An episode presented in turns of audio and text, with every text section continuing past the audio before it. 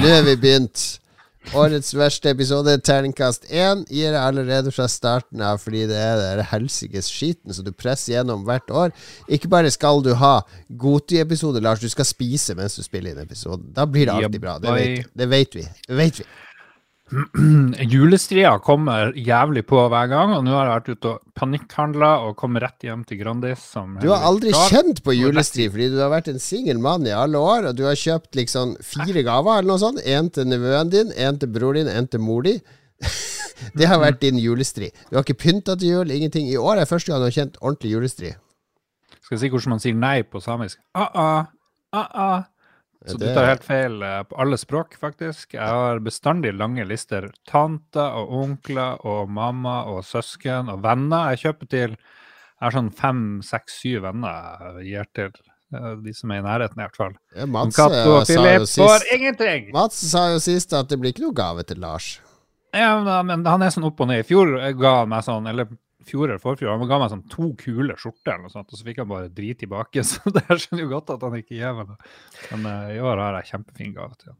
Jeg vil ha meg litt frabedt den diskrimineringa at de som ikke har barn, ikke kjenner på julestria. Vi har altså mm -hmm. masse gaver å kjøpe, og det er masse å gjøre ja. i desember for oss. Tenk på alle julebordene vi må gå på, som dere ikke får dratt på, dere som har barn. Vi har det jævlig. Mm -hmm. Ja, det er jeg ikke helt enig. Men folk folk, vi hører jo ikke på oss for å sitter og hører om julestria. De hører på oss for å komme bort fra julestria. Så det var en veldig dårlig innledning. Vi må begynne på nytt. Det er Goti det skal handle om i denne episoden, ikke sant? Goti, Goti. Og jeg har med meg masse øl. Jeg har med meg Jeg har kjøpt Folk kan glede seg til de som er patrions. Kan glede seg til juleølspesialen, for nå har jeg kjøpt øl for 800 kroner etter de jeg likte, som vi testa. Så nå skal jeg bli megadritings og ja. kåre årets spill. Tygg ferdig. og spise pizza. er det mye igjen av den pizzaen? Vi kan vente, vet du. Mm. ASMR, er det det? Hvordan pizza, hvordan Grandis er det liksom? Original? Eh, standard Grandis med gullsalami. Beste komboen. Ferdig. Ja, for du vil ikke kjøpe en salamipizza? Men det er ikke så godt. Gullsalamien er bedre enn all den der drittpepperonien de spretter på. OK. Det litt sånn uh, one man-show der. Skal vi se. Kan alle høre når jeg åpner øl? Sånn. Der, ja. Jeg bare føler at vi er ikke klar til å begynne. Dette er jo viktig kåring, ikke sant? Eh, dette er jo det som eh, Vi har jo folk i nordisk film og EA og Microsoft og Nintendo De sitter og hører på, ikke sant? For å høre på hva er det Vi er på en måte Masterchef-dommerne, ikke sant? I hvert ja. fall sånn vektmessig. Meg og Philip er jo de to tjukke i Australia. Så han Lars han er litt den der sharpe, skalla duden. Jepp. Ja. Og vi er jo smaksdommere, ikke sant? Så vår dom over hva som er årets beste spill, det resonnerer. Jeg hadde jo for eksempel ble jo sitert i markedsføringa til Elden Ring eh, tidligere i år pga. min anmeldelse, ikke i Lolbua, men i Aftenposten. Jeg sendte inn et sitat. Good day, mate. Ja, så vi, så vi har makt og innflytelse. Ja, du har helt rett. Det er ingen som er tyngre enn oss. Røpe for de lytterne som hører på nå, at hvis de kjøper Aftenposten på julaften, så er det en dobbeltside med årets beste spill, kåra av undertegnede. Så jeg har gjort min egen godtid. Det er drømmen, det, at du får gjøre det beste du vet, og få betalt for det. Ja, og, så, og, så, sier jeg til de Altså, det blir, uh, det blir mine spill. Altså, det blir ikke de der uh, God of War, Ragnarøk, uh, røkheroin og sånne ting. Det blir mine sære spill. Men det er helt i orden. Bare du for, forklarer hvorfor det er spennende. Så og det er jo en drøm, det. Å kunne få være, tenk, være smakspoliti. Altså komme med Det er som kårer Aftenpostens beste spill i 2022 mann som hater gotikåringer, mm -hmm. skal liksom brette seg ut på to sider og avsløre sin hypocrisy. Ja, men dette det er, det er min goti, og det er uh, basert Altså, den har et tema også, så det er derfor jeg tente litt på det. Men det får vi se mm. når den kommer på trykk på lørdag. Nå skal det være Goti i uh, Lolbua sin, og i år så er det noen regler. Det ene er vi skal ikke ha det der Sea of Thieves. Det orker jeg ikke mer. Jeg vil slutte i Lolbua. 2022, det er året hvor de nå setter vi ned foten. Ja, det gidder jeg ikke det Sea of Thieves lenger. For, fordi jeg hater Microsoft. Fordi nå- jeg drev Vi skal Oi. ikke ha hva skjedde siden sist-spalten, men jeg, vi var i sånn juleselskap på søndag, og der hadde de rigga opp eh, gamle Rockband 2 på eh, gammel PlayStation eh, 2 eller 3 nede i kjelleren, med Ion-trommesett og to gitarer og mikrofon. Så vi hadde kjempegøy, og derfor jeg ble så sein til den juleølinnspillinga, fordi de ungene elska jo det. Og jeg har jo alle disse instrumentene sjøl, men hele min rockband-infrastruktur er på Xbox. Det er der jeg har kjøpt 1000 låter. Jeg har 1300 låter, liksom. Masse Metallica og David Bowie og Ministry og godlåter. Så jeg, har jo kobla det opp på Xbox One før, men da med en gitar, som er en Xbox One-gitar, og en mikrofon. Og så skulle jeg undersøke om disse trommene som jeg har på loftet, og alt sånn. Og de er jo kabla. Og så har det seg sånn at Microsoft De har en sånn policy på Xbox One. Det skal ikke være noen kabla accessories. Over, det er ikke lov med kabla accessories. Man kan lage kontrollere, og, og den gitaren jeg har, er jo selvfølgelig til Xbox One, og den er uten kabel. Den er trådløs. Alt skal være trådløst. Vi skal ikke ha noen kabla accessories. Det er policyen på Xbox One. Og så hadde disse folka i Harmonix De hadde spurt veldig pent Altså det er folk som har kjøpt sånn Ion-trommesett, sånn som jeg, til 3500, og som nå ikke får Altså, det er, det er USB-kobling, det er bare å plugge i. Det eneste de trenger det eneste de trenger, er at Xboxen godkjenner det som kontroller. Altså eh, mye om overgrep på linje med andre verdenskrig. Masse forhandlinger fram og tilbake, så fikk de lov til å, å få et firma til å lage en sånn overgang med en sånn chip i som autentiserer det trommesettet, eller kabla gitarer fra Xbox 360. Men de fikk lov til å lage 3000 enheter, og aldri mer! Så de 3000 ble trykt i 2017, solgt for 29 dollar per stykk. De ble utsolgt på to timer. De ble kun solgt i USA. Det var ikke mulig å bestille de fra Europa. Jeg prøvde. Nå går de, hold dere fast, for 6000 dollar på eBay. Mhm. 6000 dollar for en USB-overgang med en bitte liten chip i som sier at ja, denne kontrolleren skal få lov å snakke med en Xbox One. Derfor boikotter jeg Microsoft framover. Jeg driver og skriver mail nå til han presidenten i Ukraina, han er Zelenskyj og Greta Thunberg. Sier de må bare glemme det de holder på med, for det finnes noe større urett Ja. som skjer. Jeg har vært og skrevet Oslo. under på petition for å få flere sånne overganger, så jeg får brukt det trommesettet. For det som er så dårlig her, det er at på PlayStation, der funker bare alt. Ja, du har kjøpt, ah, du har kjøpt trommesett PlayStation 3. Ja, det, det kan jo godt vi, Kjør det på PlayStation 5. Det går helt fint. Det er kun Microsoft som, som setter ned dette Jeg hater sånn her eh, knot. Overstyring. Ja, det er litt den samme greiene. Jeg så etter en Guitar Hero-kontroll som jeg kunne bruke på PC-en. Jeg, jeg slenger meg på Finn, eller jeg finner det brukt, eller noe sånt nå. Og de går også for liksom relativt mye penger. Ja, det er vanskelig å få tak i nå. Men det var en Ja, av, avsporing. Jeg husker ikke hva det begynte med. Hvorfor jeg spora inn på Microsoft her. Men det passer jo veldig bra inn hva vi har gjort i det siste spalten, tenker jeg. Som Vi nå tydeligvis har begynt på. Jeg vet ikke hvorfor du Ja, ja, vi, jeg, vi skulle jeg- jeg ikke ha den, egentlig. Ja, det jeg tror jeg derfor jeg nevnte, fordi vi ikke skulle ha hva vi har gjort siden sist. Så han måtte bare ja. Men da har vi jo hatt det. Ja, nå er vi ferdig. Jeg måtte utbasunere noe mot Microsoft her, av en eller annen grunn. En brannfakkel. Hater Microsoft. Eh, kanskje blir det et Microsoft-spill som vinner Goti. Skal vi bare gå rett på det? Jeg, jeg sier et? Microsoft-spill som kommer i år. Eh, ordet igjen Nei, jeg vet ikke ingenting. Kom det nå? Nettopp. Crackdown 4. Halo Infinite eller et eller annet. Det Ja, ja. Forsa. Det kom sikkert noe Forsa. Vi skal se. Vi skal gå måned for måned. Ja, vi følger nemlig malen fra 400 beste spill fra de, de 400 siste månedene. Og så tar vi for oss måned for måned i 2022. Uh, ser uh, hvilke spill som kommer hver måned, kårer en månedsvinner, og til slutt så kårer vi en av de tolv spillene som uh, årets eh, beste spill, rett og slett. Ja. Skal vi, må, skal vi sette ned en regel på ikke noe remakes med en gang? Eller eh, ikke noe liksom nye Ja, nye, utgivelser? nye spill som kom i, i år. Ja, men sånn som God of War på Windows, det gjelder ikke. Men sånn som Crisis Core, som kom ut nå, det gjelder. Det er jo en remake av et PSP-spill. Ja, men nytt, på en Ja, men eh, nominer nå alt du vil. Det er fuck it. Nominer hva enn du vil, så får juryen ta stilling. Vi er jo gamle, gamle folk, vi har dårlig korttidshukommelse. Så vi reiser tilbake til januar i år. Det var jo det året da uh, Skal vi se Det året. Ja. Det var den måneden da Microsoft sa at de ville kjøpe Activision Blizzard. Var det det, ja? Og tennisspilleren Novak Djokovic ble nekta visum til Australia. Det husker vi. Han kunne ikke delta på Australian Open pga. Uh, han, han var litt sånn antivakser. Var det en måned sånn. Ingrid Alexandra ble 18? Bow, chicka, wow, wow. Og eh, ja, presidentvalget i, Ut i Italia starta. Hvem ble gjenvalgt? Eh, Lars, eh, nyhetsredaktør. Berlusconi gjenvalgt. Sergio Mattarella. Sønnen til Berlusconi. Veldig bra. Men spillmessig, hva er spillhøydepunktene denne måneden? Har du funnet Hva er dine høydepunkter her, Philip? Det åpenbare høydepunktet fra januar føler jeg er Boomerang Fu, som kom ut uh, Mm. t- eh, 13. på PS4 Ja. og PS5. Jeg vet ikke om dere har spilt det nå? Masse. Ja.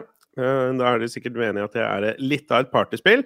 På ordentlig så er det et litt artig spill. Det er en sånn type Aldri hørt om. La oss se for deg Bomberman, bare barnevennlig.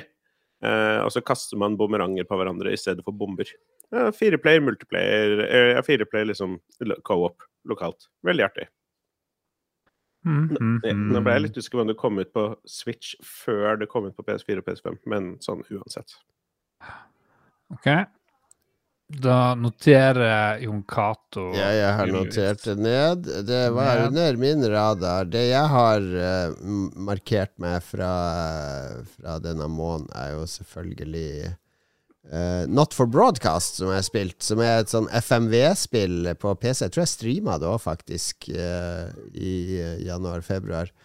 Det er et spill der du jobber i eh, regirommet på en TV-stasjon, og så har du liksom regien på live-debatter eller underholdningsprogrammer og andre ting. Du må switche mellom ulike kamera, styre hva som blir sendt ut, sensurere hvis noen banner eller sier noe etter hvert.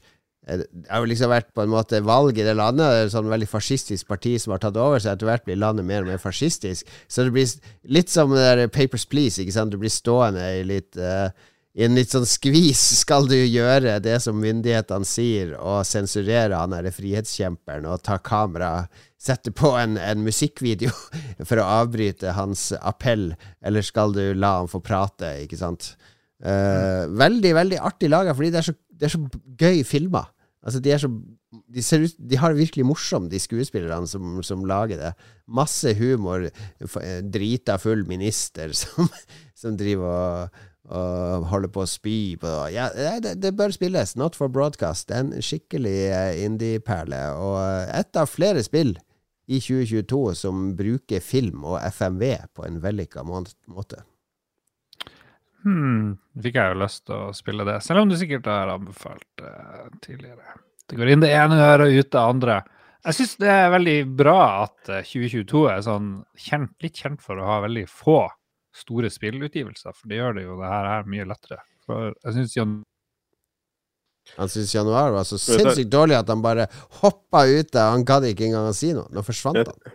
Jeg tror det var noen myndigheter som begynte å følge med på streamen etter at du snakka om det forrige gang dine, og så tok de Lars før han fikk sagt noe for eh, kontroversielt.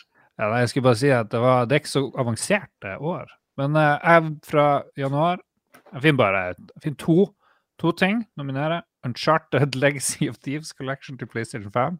Fantastisk. Trenger ikke mer spill enn det på et helt år. Og så har du Nobody Saves the World, som er en sånn derre de her guacamele-folkene som eh, er tilbake. Men eh, det er veldig veldig søtt. sånn der, eh, Spill hvor du, du bare bytter karakter hele tida.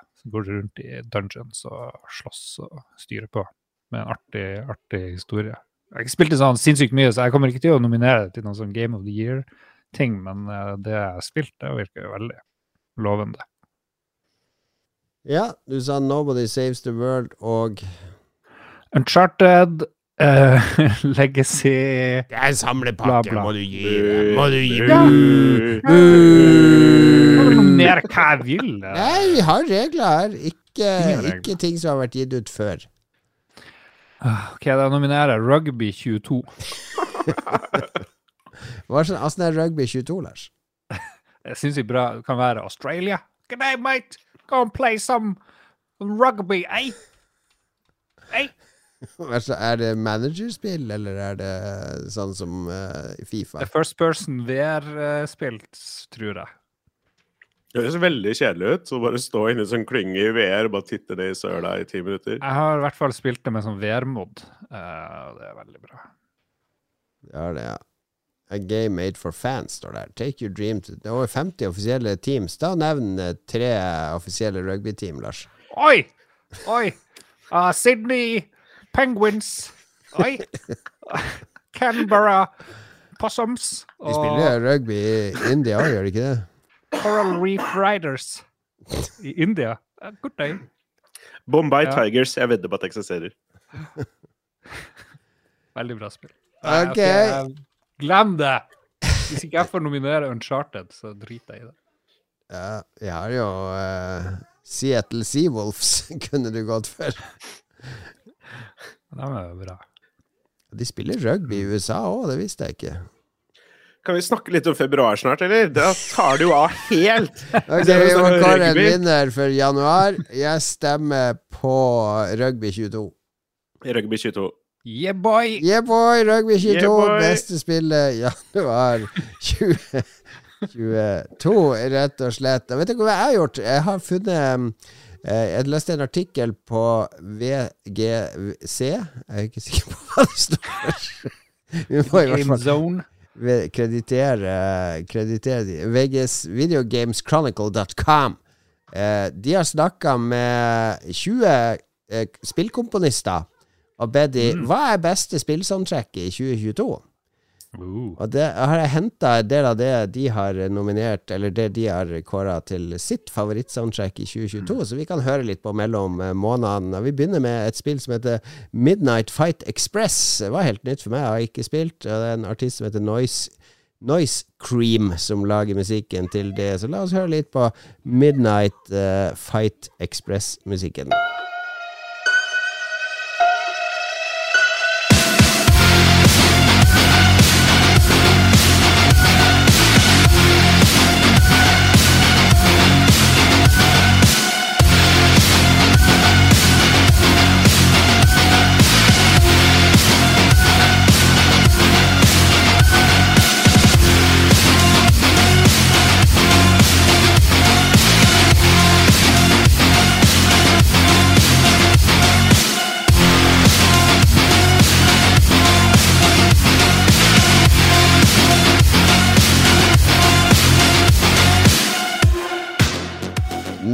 Ukjent spill for meg kom i august i år, men jeg ser på Steam-traileren at det er en slags 3D-isometrisk eh, Double Dragon slash Hotline Miami.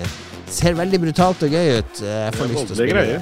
Ja, jeg tror, det høres ut som soundtracket passer perfekt. Blir litt voldelig av å høre på sånn her. Jeg har lyst til å knuse noe. Knuse tryner. Ja. Februar ser mye bedre ut enn den skjetne Ja, hvilke spill er det som kom i februar som vi kan fremheve? Hvilke spill er det som ikke kom i februar, som vi kan fremheve? Er det vits å prate om andre spill enn Elden Ring? Vi, Ja, det er det som er problemet. At du kan bladet lenger ned på lista, så er det 'Å, dette er bra, dette er bra', og så bare Elden Ring helt på slutten av måneden. Og så bare, ja, OK, greit. Mm, Jeg tar jo, jeg tar jo muligheten, og så nevner jeg jo Total War Warhammer 3, som eh, ja, for den har jeg sett ofte at du spiller på uh, Steam. Å, herregud, det er heroin rett i øyeeplet. Jeg blei så avhengig av, avhengig av det. Og Mats sin skyld, egentlig. Jeg har spilte toeren og syntes det var greit, men så fikk han meg hekta. Ja. Uh, så det må jo, nå jo nevnes. Nei, eh, er, du er ikke sånn Total War-dude, du, Philip. Jeg ser, det, det er ikke den, en kobling som jeg har på det. Nei, vanligvis ikke. Jeg syns, eh, jeg syns strategispill kan være artig, men vanligvis ikke disse ja, Total War-greiene. Men jeg er veldig svak for Warhammer. Jeg syns jo Warhammer-universet er kult, og er Ja. veldig glad i fantasy-greier og sånn, så det er kort vei dit.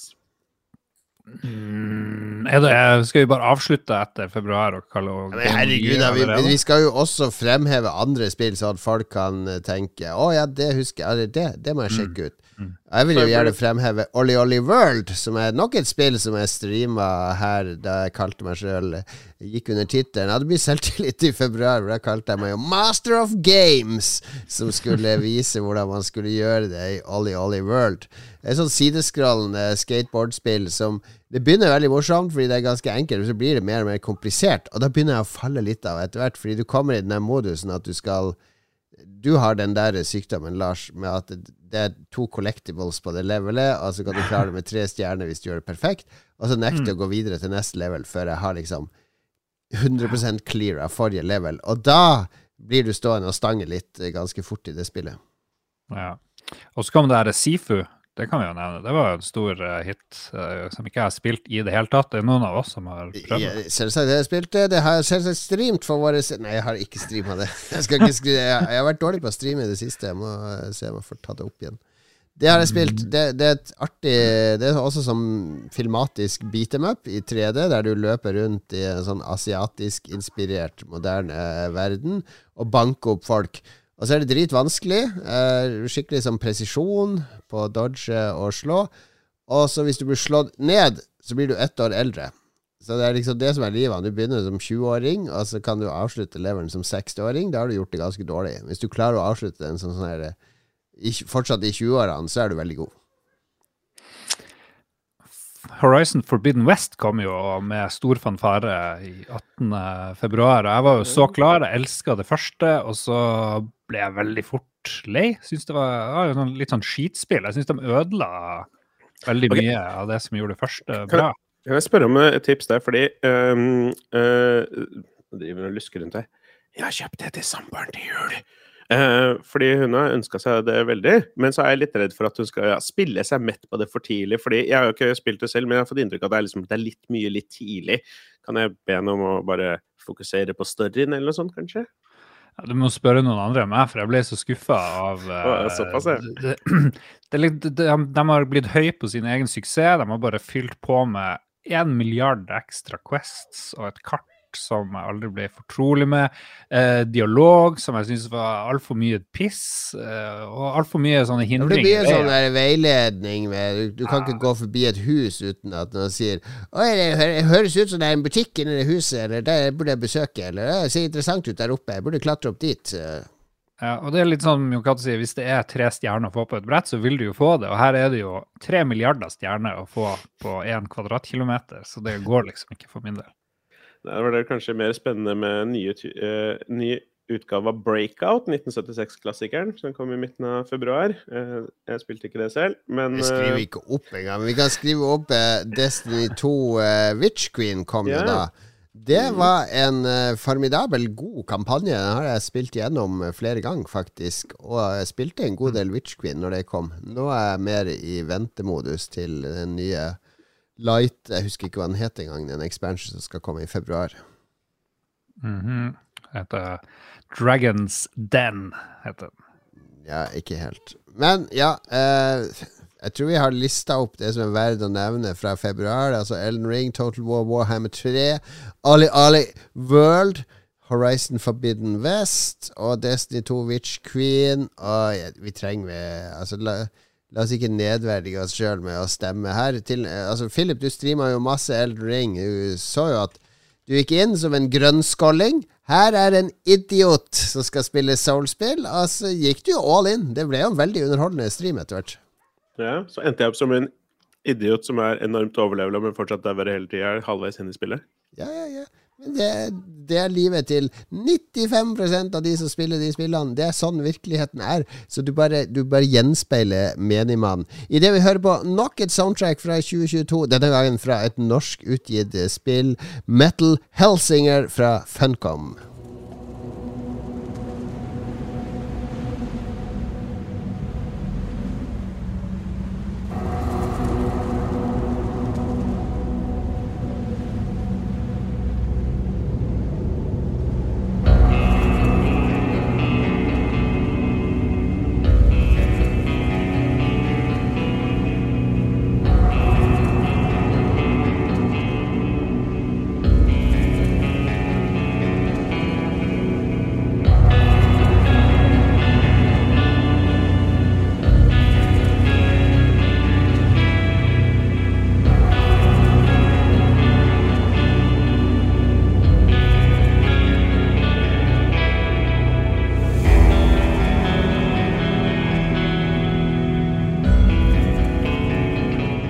Kunne koste på. Jeg tør ikke å spille noen av de in game-sangene, fordi de er fulle av han der eh, vokalisten i System of a Down og sånn. Da blir vi blir vi lagt i jern med en gang av eh, Spotify eller noe.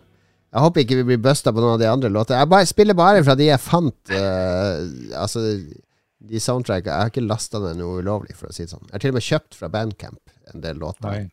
Så får ta det som reklame, og hvis, hvis, hvis, dere vil ha noe penger for at vi spiller det, så ta kontakt. Skal vi betale. Ta kontakt. Um, har dere fått med dere nå, det, han, Elon Musk hadde jo sånn avstemning om at han skulle gå av og sånt. Og så har han plutselig sagt han skal gå av. Jeg, må, jeg klarer ikke å la være å nevne det. World Events! Spalten World Events! Hæ, har han sagt det nå? altså, Det er jo bare Ja, ja. Lars. Lars, du er journalist. Her må du, må jo se bak hva som skjer. Han er Ja, han fortsatt han eier av. Twitter. Ja, Det han gjør nå, er å finne jo en eller annen idiot. Sånn, her er den nye CEO-en, og så sitter jo Elon Musk bak han, og det blir han puppet, ikke sant? Du skjønner jo det, da. Hvis Ja. Elon Musk er eier, og du blir CEO fra Twitter, hvor mye reell makt tror du du får for å eh, endre Twitter til det journalistiske høyborgen du ønsker at det skal være? Hmm, Men tror dere han kommer til å gå så langt at han bare imploderer? At um, han, han, Twitter må banne han?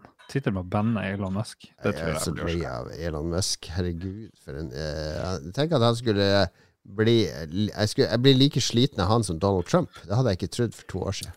Ja, jeg, jeg også, og jeg tror litt av grunnen er eh, Jon Cato, kanskje litt samme som meg, at eh, Elon Musk han skaper kanskje de verste siden, jeg har sett siden Trump, fans og antifans. De som hater Musk Å, han er så sjukt teit, og han er så dum, og han ble født med alt han har gjort i her i livet, og han er bare en idiot som har fått masse flaks. Og fansene bare Å, Elon, alt du gjør er så sjukt bra, og du er så sykt based og smart, og jeg elsker deg, la meg sutte på tærne dine. Og det er liksom Det er helt forferdelig, begge deler. Nå viser det seg jo at Er det helt forferdelig begge deler? Han er jo en moron. Det er jo ikke sånn at Ja. de som elsker han har like mye rett som de som syns han er idiot. Det er jo sånn okay. å si at Trump-fansen og Trump-supporterne er likestilt. There's good people, good people on both sides. Var det ikke det Trump sa? Når uh, noen nazister hadde kjørt ned folk i en folkemengde i en demonstrasjon. Ja. Nei, men eh, beklager å eie deg der, Philip. Uh, Det er ikke noe mer bedre og dårligere. Det handler om hvor irriterende det er man er. Og det er det som er kjipt, for det er kjipt å være på internett Vi- når man har disse herre Vi, vi, har jo, vi, vi har jo kontakta en del kjendiser i forbindelse med denne kåringa, og en av de er jo Elon Musk, eh, Lars. For du er jo eh, Du, du slo ned Philip nå, for du er jo fan av Elon Musk, egentlig, og har han på hot eh, på telefonen din. Ja. La oss høre Ja, ja. hva Elon Musk sitt favorittspill Han har jo tweeta om Elden Ring eh, før. Er det faktisk Elden Ring som er hans favorittspill? La oss høre Elon nå, Lars. Uh, hello, Norway! I was standing by here with you people, you motherfucking pedophiles. Goddamn pedophiles from Norway, you stop buying my Teslas. But it's we're talking about video games today. How are you, John Cato and Philip? Uh, we're good, Mr. Musk. We're good. Uh, we, we see you have lots of activity on Twitter right now. uh, yeah, I've got to vote now if I should kill myself. Yoo-hoo, I love those votes. What do you think? How's that gonna f- pan You, out you're an for you? ambassador for freedom of speech, sir. We'd uh, like to c- commend you for the job you're doing for freedom of speech. Thank you, thank you. Well, fuck you both. That's my freedom of speech in your face right back at ya. But do you have a It's a favorite game? We, we know you're a gamer. You, we know you tweet about Mass Yeah. Effect and uh, and Elden Ring and stuff like that. What what's the best game you played this year? Is it Elden Ring, Mr. Musk? You know, I really loved Elden Ring because it's made by those Japanese. The Japanese people, they're not as woke, you know, as uh, I, I've been spending so much time in Texas lately, my dialect changed. You know the the woke motherfuckers in the U.S. They can go kiss my my sorry ass. I love those traditional Japanese. They don't let the ladies work. No, they whip them. you like the conservative. Did, did you know in Texas uh, that that there are some school districts that have banned the word slavery from all uh, school books, so they can't talk about uh, what they did to black people in the 1800s. They can't call it slavery anymore. Well, slavery was a choice, my friend. That's what I keep hearing. Okay, Mr. Man, we, we're gonna be shut down if you if you keep. You need to bring the game, the game, the best game. the games. Okay, my favorite game of all time this year. There's no doubt. It's rugby 2022! Ok, Rugby 22. Thank you, thank you, Mr. Musk. Oh, ja. Ja, han he brings the goods. Er, jeg liker han Musk, altså. Han sier det som det er. Han sier det som det er, og han tåler Han snakker liksom rett fra levra. Det er så bra. Ok, nei, eh, det var bra med Nei, det er faktisk sant, det. Jeg leste om det i dag. At det er noen skoledistrikter i Texas der de var De må skrive om alt, så de ikke kaller det for slaveri. Det som de holdt på med for eh, 150 år siden. Hmm. Hvem var det som sa at slaveri var et valg? Det var han Kanye? eller et eller annet? Kanye, ja. Carl- Eller Carl I. Som han heter nå. Eh, Cirka like, like ille som at på andre siden så er det så noen universiteter som nå har innført at man kan ikke si sånn som Man jobber ikke på en white paper, fordi det på en måte henviser til at en white paper er en bra ting, og hvit er ikke noe bedre enn noe annet. Så Ja. når må måtte man kalle det Er noe, noe i det? Blacklist, ikke sant? Er noe i det? Hmm. Ok, men vi skal ikke gå inn i den uh, for langt inn i den uh, labyrinten her og nå. For vi er i mars, og herregud, nå begynner det å renne på med spill. Tradisjonelt sett så har det mars alltid vært en god spillmåned. Det la jeg merke til allerede når jeg jobba i Akersvik. At det kom veldig mye spill. Uh, oktober, november, desember, for de skulle rekke julesalget. Veldig stille januar, februar, og så var det sånn enorm masse spill plutselig i mars igjen. Da lurte jeg lenge på hvorfor det var. Dere veit hvorfor det er sånn? Eh, Da finansåret er ferdig, ikke sant? Finansåret slutter 31. mars, så selskapet har pusha på for å få ut spillene før finansåret tar slutt, for da får de en boost i inntektene på slutten av finansåret. Så bra. Uh, finansåret Ja, hvordan er finansåret til Lolbua? Hvordan følger vi det? Vi har balanse i regnskapet, som alltid mest vi har brukt. Vi har brukt en del på datautstyr, PC-er, laptops til et par redaksjonsmedlemmer, og en del småting her og der. Apropos samme som eh, året før der og året før der. Og Swapper-gaver, og så Vi har ikke så mye inntekt som vi hadde før. Gått litt ned i inntekter, men sånn er det. Sånn er det. Det det er vanskelige tider. Folk må Vi kan jo- prioritere. Det er vanskelig å si at vi er verdt mer enn det vi får. Så jeg syns det er det, Selvinnsikt kan vi nå vel ha. Men nå som spilledåsen er lagt ned, så er det jo masse folk der ute som kan har noe Patrion-penger til overs, kanskje. Så bare det er bare å slenge de i var var. Vi får se. Vi får se. Jeg har fremheva et spill som bare jeg har spilt, som dere ikke har spilt, for det er et Steamdeck-spill som heter Aperture Desk Job. Eh, Det er Valve som har laga et sånt spill for å leke med steamdekken, rett og slett, kontrollsystemet der. Der du er en sånn de, Alle disse lekespillene til Valve De foregår jo i Aperture, som er dette selskapet vi kjenner fra Portal. Eh, og de har andre Det er liksom et helt univers rundt dette dystopiske, uh, gigantiske selskapet, der alle arbeiderne blir behandla som bæsj. Det er basically Elon Musk sitt drømmeselskap, A- Aperture, der alle er uh, expendable og gjør ikke noe at de dør under testing av produkter og sånn. Så du er, er rett og slett sånn quality-fyr som sitter på sånn samlebånd og skal sjekke alle at toaletter funker. at de fyller med vann, at de går og skyller ned og sånn. Og så er det en litt sånn gal AI der som driver Han skal drive og montere våpen på de her toalettene. Han har sånn idé om å lage sånn nytt konsept, så at vi skal få en forfremmelse. Artig lite sånn novellespill der man bare leker og skyter og har det gøy. Er det godt i 2022? Kan bli, kan bli. Vet aldri. Lolbua sin kåring. Ja. 4. mars.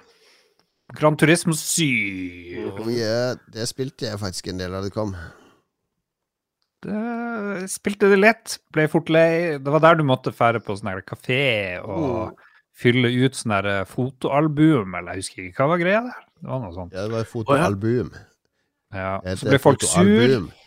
Det var jo masse sånn her eh, mikrotransaksjonsbråk, husker jeg, for de br- brukte 10 000 år på å samle alle biler. Ja, det var en uh, forkvakla økonomi i starten. Altså, nå, nå tror jeg ingen bryr seg lenger. Jeg føler Gran Turismo er det er veldig hype før alle ve- veier at Gran Turismo kommer, og så er det veldig mange som spiller det i noen uker, og så er det liksom OK, det var det.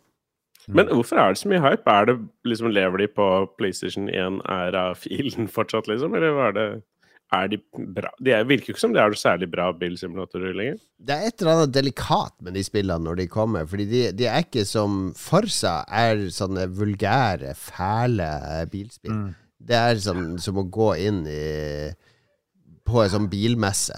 Jeg vet at Christian Chessem, vår venn i Ragequit, han elsker seg på bilmesse, men det er et vulgært fesjå med biler.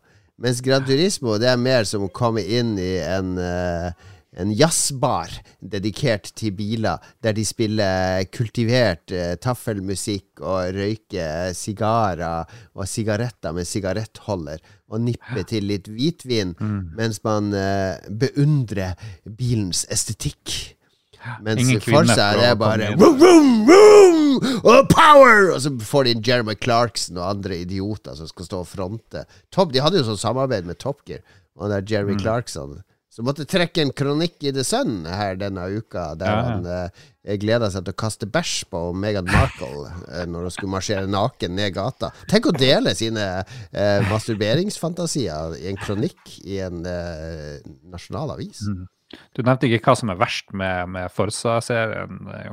Det er jo at det er lagd av Microsoft. Ja, jeg, jeg, jeg, bare overdrev det. Du laga Turn 10, og det er for så vidt helt greit, det. Men det, de har eh, De går sånn motsatt. Gran Turismo, så må du finne gleden i å kjøre bil sjøl.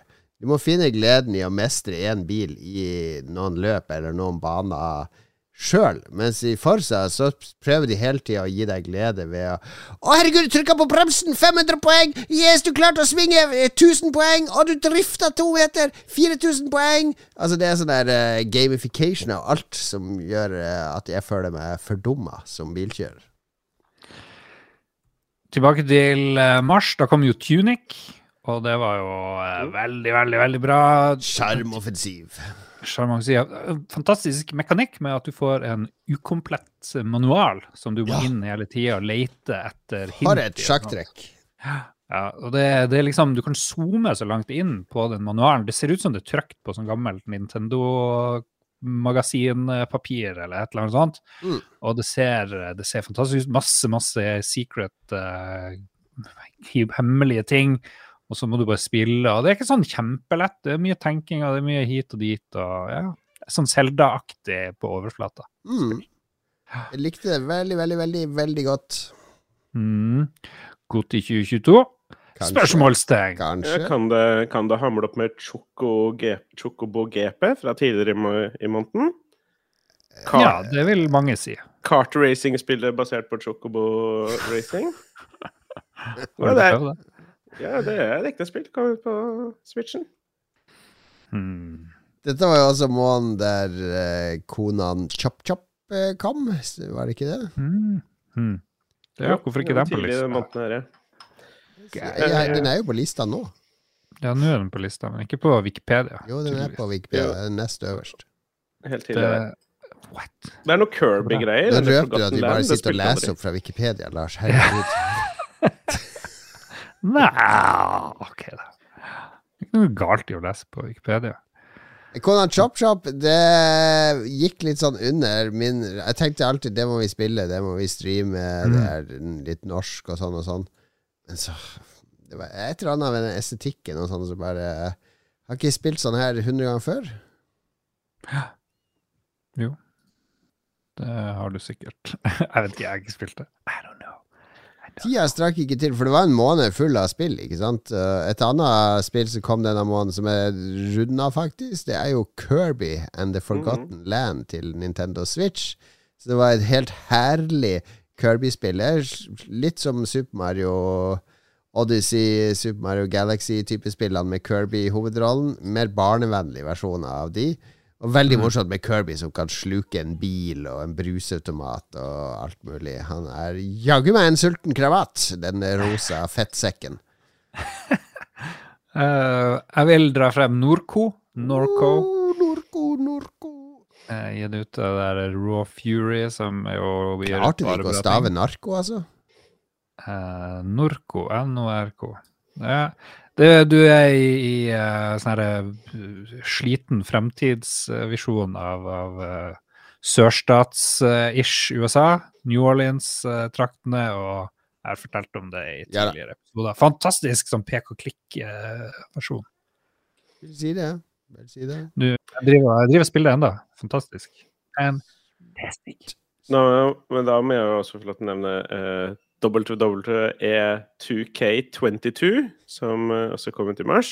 Som da handler om wrestling. Eh, Ray Mysterio er tilbake. Veldig spennende. Jeg vet ikke om dere klarer å gjette hvilket spill dette var en oppfølger til? 2K21. Nei, det kom ikke! 2K20 er det forrige, så det er fansen sitter og venter lenge nå. Nei, men Oh my hva- god! Var for en måned. Altså, vi sitter igjen med spillene Aperture Desk Job, Count and Chop Chop, Chocobo GP, Grand Turismo 7, Tonic, Kirby and a Forgotten Land, Norco and E WWE 2K22. Motherfuckers, what's the best game in March? For meg står det mellom Norco og Tunic, mest fordi det var liksom de jeg spilte mest. Jeg har en knapp på Kirby og Gran Turismo. Det er Tunic og WWE for meg, da. Da blir det Tunic, da. Det var to på Tunic. Flertallet har talt. Det blir til og med musikk fra Tunic.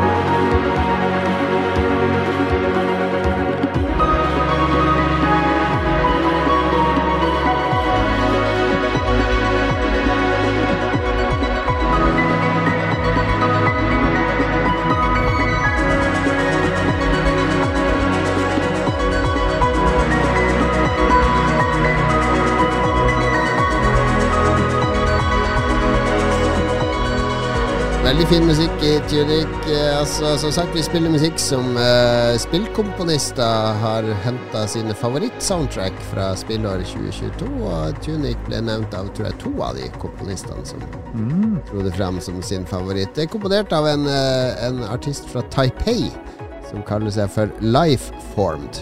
Lifeformed. Oi, Taipei. Exciting.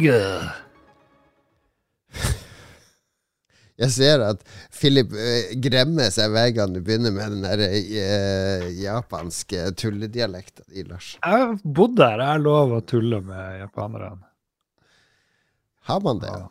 Har man det? Jeg vet ikke. Vi får spørre japanerne. Philip har i hvert fall glemt å skru på mikrofonen. Så. Jeg tror du og Elon Musk har mer til felles enn du liker å tro ellers. Eh, Ja Apropos exciting, noe som ikke er så sjukt exciting, spør du meg, er kanskje spillista fra april. Ja Dårligste måneden så langt. Mhm. Det er eh, Det er, det er ikke Det, det- er Cricket 22, da. Som, Ja, det tenkte jeg. Du har Cricket 22! Ja, det er jo, den står bunnsolid. ja, det, det er jo. Altså, de putta jo Fikk jo en boost i salget det, i, i år, fordi eh, i Australia så putta de jo han Meg Lanning og han Pat Cummings på coveret. Det er jo helt sikkert uh, salg når du har de to folka på coveret, rett og slett.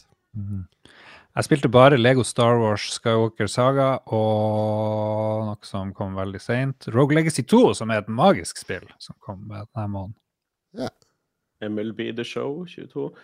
Eh, Chrono Cross ja, Nei, det er feil. Jeg bare tuller. må ikke bare ramse opp. Det, vi, det som vi Jeg må fremheve fra denne måneden, er jo et spill som vi spilte en del, jeg og ungene, som som er Nintendo Switch Sports. Fordi Nintendo Sports var jo en farsott på Wii, ikke sant? I all sin enkelhet. Det var jo det spillet som solgte inn motion-kontrollerne. Og Nintendo Switch Sports er jo oppfølgeren til det, med langt mer presise kontrollere. Og det er faktisk ganske gøy. Uh, det, er, det er bowling og tennis og badminton. Og, ikke tennis, men badminton og fotball og og er et kjempebra spill. Uh, Det, det passer veldig bra med, med det spillet i april, føler jeg. Vi, vi spilte det masse. Passer i april, men ikke hvis det kommer i mars. Da er det helt feil. Nei, men Våren er tid for å komme i form, ikke sant? Da, da, da nærmer sommeren seg. Så har du selvfølgelig et spill som heter Rogue Legacy 2. Det har vel du spilt, Lars? For Rogue Legacy er et av dine favorittspill? Ja, det er jo uh, et rogue-spill med enorm sjarm, og du spiller hver gang spiller du en ny uh, karakter. Og som navnet sier, det er en sånn legacy-funksjon, så du arver Det er liksom sønnen eller dattera di som går videre. Så er det en sånne rare wacky uh, greier som at de kan være fargeblind, og de kan ha være kortvokst, og jo mer sånn handikap du har Fargeblind! Wacky! Å, han ble født kortvokst! Ko-ko! Ja, det er litt sånne ting. Og jo, eh, jo mer eh, sånne dårlige traits du har, eller morsomme traits, jo mer penger får du. Du får som bonus for hvor vanskelig du gjør det for deg sjøl. For du kan velge mellom tre etterkommere. Og så er det masse bosser, og det er det er jo sånn et jumping eh, sånn plattformspill, egentlig, med masse kamper og randomme våpen. og det, det, er helt sinnssykt bra. Mats introduserte meg til det første. og synes, Jeg har spilt der kjempemye i år.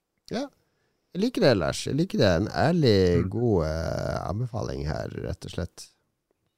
Jeg finner ingenting i den lista her, jeg. Uh, men jeg husker og at, Lars har snakka masse om Rogue Legacy 2 før. Og jeg husker at mm. jeg, da ble jeg smittet av entusiasme for dette spillet. Og det ser jo veldig koselig ut, så selv om jeg ikke har spilt det, så hvis jeg må stemme på noe, så blir det det.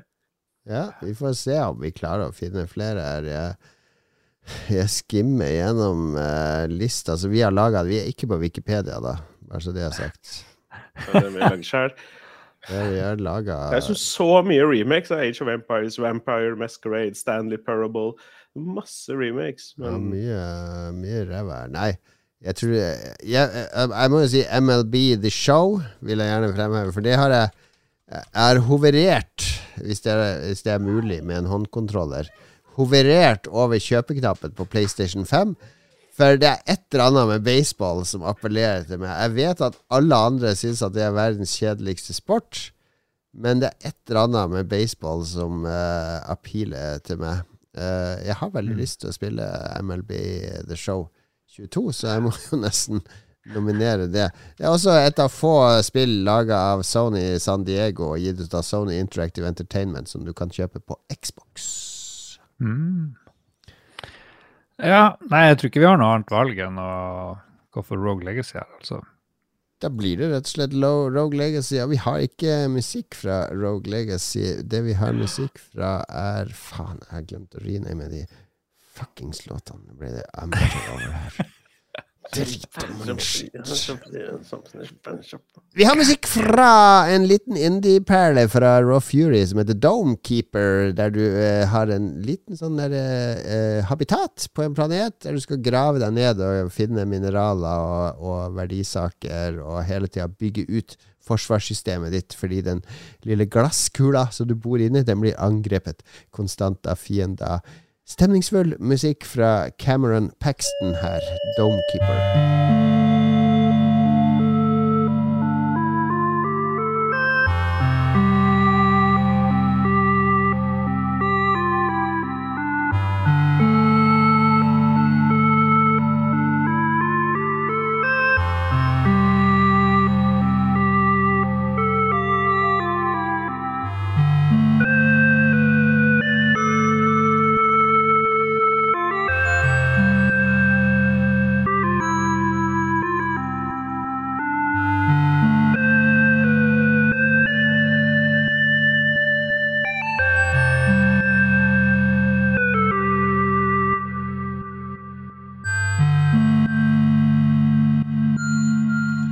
Veldig indie-musikk, det der, da.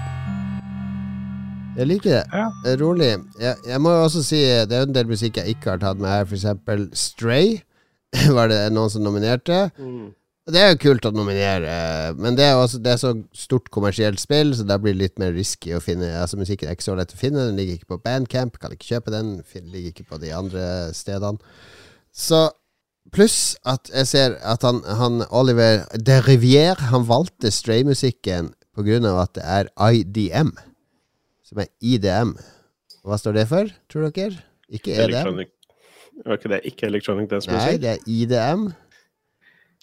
Indie Dance Music. Intelligent Dance Music. Og den betegnelsen Intelligent Dance Music Den gjør at jeg, jeg, jeg kaster litt opp inni meg. Rett og slett. Det skal jeg aldri høre. Jeg skal aldri spille det. Jeg vil ikke bli eksponert for noe sånn fuckings uh, indie-intellektualisert uh, dansemusikk. Jesus lord, spar meg. Årets verste okay. spill, Stray, kun pga. musikken. Men jeg tror at den musikken vi hørte på, sånn Cold Cut og Orbital og alt det der, det ble labela som intelligent dansemusikk. Så jeg tror vi har hørt på ja, det. Da hadde jeg ikke hørt på det. det da hadde jeg ikke hørt på det. Nei, nei, der ser du. ok. April er over. For en kjedelig spillmåned. Men hvordan sto det til i mai, da, gutta? Ja ja. Sånn, det kom i hvert fall ett spill som jeg har kost meg mye med, nemlig Citizen Sleeper. Eh, Dukka ja. opp da Som er en slags sånn herre eh, En interaktiv novelle på en romstasjon der du er eh, Du er en slags robot som er fanga der. Du må ha energi, mat for å overleve, og må påta deg jobber her og der. Og så er det sånn, mm. litt sånn artig skill-system, at du får utdelt sånne terninger hver dag. Altså Noen steder så er det om å gjøre lav terningkast, noen steder høye, høye terningkast. Og så har du alltid Du kan velge å gjøre mye mer enn du har tid til på en dag. Så du må prioritere hva du ønsker å åpne, hvor du ønsker å utforske, hvilke relasjoner du ønsker å fremme. Godt skrevet. Veldig Det føles som en litt sånn mørk sci-fi-novelle fra en romstasjon, det spillet. Ja, Var det ikke det, det spillet noen kalte sånn et alternativ, eller en ny måte å lage en sånn cyberpunk-historie som ikke ligner alle andre cyberpunk-historier? At det var En nybrottsarbeid, rett og slett. Ja. Jeg likte det veldig godt. av runda det. Syns det var kjempebra. Mm. Vi har et annet indiespill som fikk mye oppmerksomhet denne måneden, nemlig Trek to Yomi, eh, som er sånn svart-hvitt eh, eh, samuraispill. Veldig inspirert mm. av Kurosawa og eh, eh, ja, japanske samuraifilmer generelt. Fikk OK kritikk. Ser veldig bra ut, men jeg merka når jeg vurderte å spille det, så var det liksom jeg, jeg, har spilt Ghost of Tsushima. Jeg tror, jeg, jeg tror ikke jeg trenger en sånn refill eh, akkurat nå. Ja. Det var, var mer uh, ubevisst hos meg, men jeg har ikke prøvd det heller. Så ser veldig kult ut. Ser veldig kult ut. Må jo prøve det en gang. Men uh, det, var, det, var, sikkert det der uh, Sushima-greia som gjorde at Trengte ikke det nå. Uh, noe som kom like før, det var jo Loot River. Det kom på sånn her GamePass eller et eller annet. Jeg vet ikke. Ja, det er sånn sant. Rogue Du drar og fær opp langs masse elver og sånt. Så er det rogelike as fuck. Det var veldig søtt. Ja, det var et spill jeg kicka på på traileren når den ble vist på det Summer Games uh, et eller annet uh, jalla i fjor. Uh, og så var liksom Skjermen hadde gitt seg litt når det kom, så jeg, jeg kasta meg aldri mm. på det. Ja. Nei, jeg, jeg spilte ikke så mye. Det var ja, OK. OK. Kan nevnes. OK. Så kom det masse Stadia-spill i mai, ser jeg. ja, Fordelen med å kjøpe alle de er at du får pengene tilbake for dem. Jeg fikk, eh, fikk eh, en tusenlapp fra Google her eh, før jul på grunn av mm. Stadia-kjøp. Uh, Hard Space Shipbreaker, kom ikke det for første gang den måneden? her? Det var jo mange som likte det. Jeg har ikke spilt det, men liksom Ja, faktisk! Fantastisk spill. Det har spilt mange timer. Der er du også på en romstasjon, uh, eller et sånn rom-refinery. Um, det er Elon Musk sin drømmeverden, for du har tatt opp lån på mange, mange millioner for å bli transportert opp til denne romstasjonen, der du kan jobbe og tilbakebetale lånet ditt. Så du får muligheten til å jobbe, bare du må ta opp et gigantisk lån. Så du er basically en slave for dette megaselskapet. Og så kommer det inn digre romskip som du må dissekere. Så du må finne de koblingspunktene, sveise de over Altså Alt er jo vektløst, og alt sånt, så må du putte ting i, i rett recycling. Aluminium her, og, og så videre. Eh, høres ut som en chore, og det er litt sånn chore-spill, men det er også litt sånn Kan starte et nytt romskip, og så sitte i 20 minutter og kose deg med å plukke det fra hverandre. Og etter hvert blir det komplisert. Ikke sant? Det kan være trykk mm. inni der, lufttrykk, så når du åpner en dør, så bare puff, blir ting blåst ut, og, og så videre. Så man må, man må være, være uh, følge HMS-reglene i verdensrommet, rett og slett. Mm. Det høres veldig bra ut. Det høres litt sånn avslappende ut. Jeg vet ikke. Det er, det er avslappende og litt stress på samme tid, men en god kombo. Sniper Elite 5 kom denne måneden, og det streamer jeg jo også en session av. Eh, klassisk eh, sjanger. Jeg husker vi spilte vel treeren eller noe sånt oppe hos deg Når jeg var på besøk Mm. en gang, Lars. Ja. Et spill som er basert rundt gleden av å headshotte nazister og se i sakte film med røntgenkamera hvordan kula penetrerer inn i øyet og hjernen, og, og hodet, hodeskallen eksploderer. Ja, en av de få gode tingene som har kommet fra CIS-serien. Hvor de liksom bestandig skulle gå gjennom kroppen og se på skader. sånn. Mm. Mm. CSI? CIS. CSI, seg, ja. Du fant ingenting her denne måneden, Philip. Nei, og det er sånn her, hver gang jeg ser en tittel som jeg bare Å ja, å ja, å ja. Så har det vært utgitt før på andre plattformer. Så det er liksom ikke noe Ja, nei, det må det være først. Det må være jomfru, jomfruspillinga, Ja, rett og slett. Vi bryr oss bare om Det skal være det nye. Det skal være det nye og freshe, rett og slett. Da har vi fire spill vi står igjen med, og det er Citizen Slipper, Trek to Yomi, Hardspace, Shipbreaker og Sniper Elite 5. Jeg har spilt ett av de, så du, noen andre får avgjøre det her, som har spilt mer. Ja, jeg har spist Jeg er den eneste som har spilt Jeg har spilt tre av disse. Og jeg vil si at Hardspace er det som for meg står ut som mest originalt, eh, kreativt. Citizen Sleeper er veldig tett opp til det på en annen måte. Hadde jeg kunnet, så hadde jeg kåra begge til vinnere, men skal jeg falle på én, så blir det Hardspace. So it goes. So it goes. Uh, vi skal høre litt musikk, faktisk fra Trek to Yomi denne gangen. Uh, Japansk-inspirert musikk.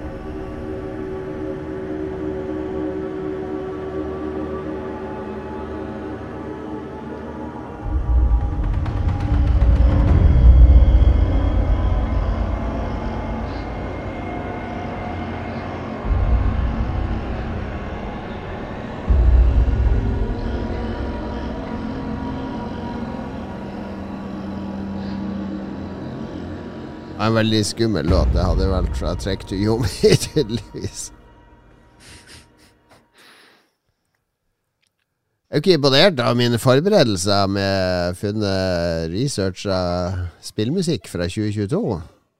Absolutt. Det Ja, ja, det passer til hver måned og alt mulig. Jeg Bare, wow.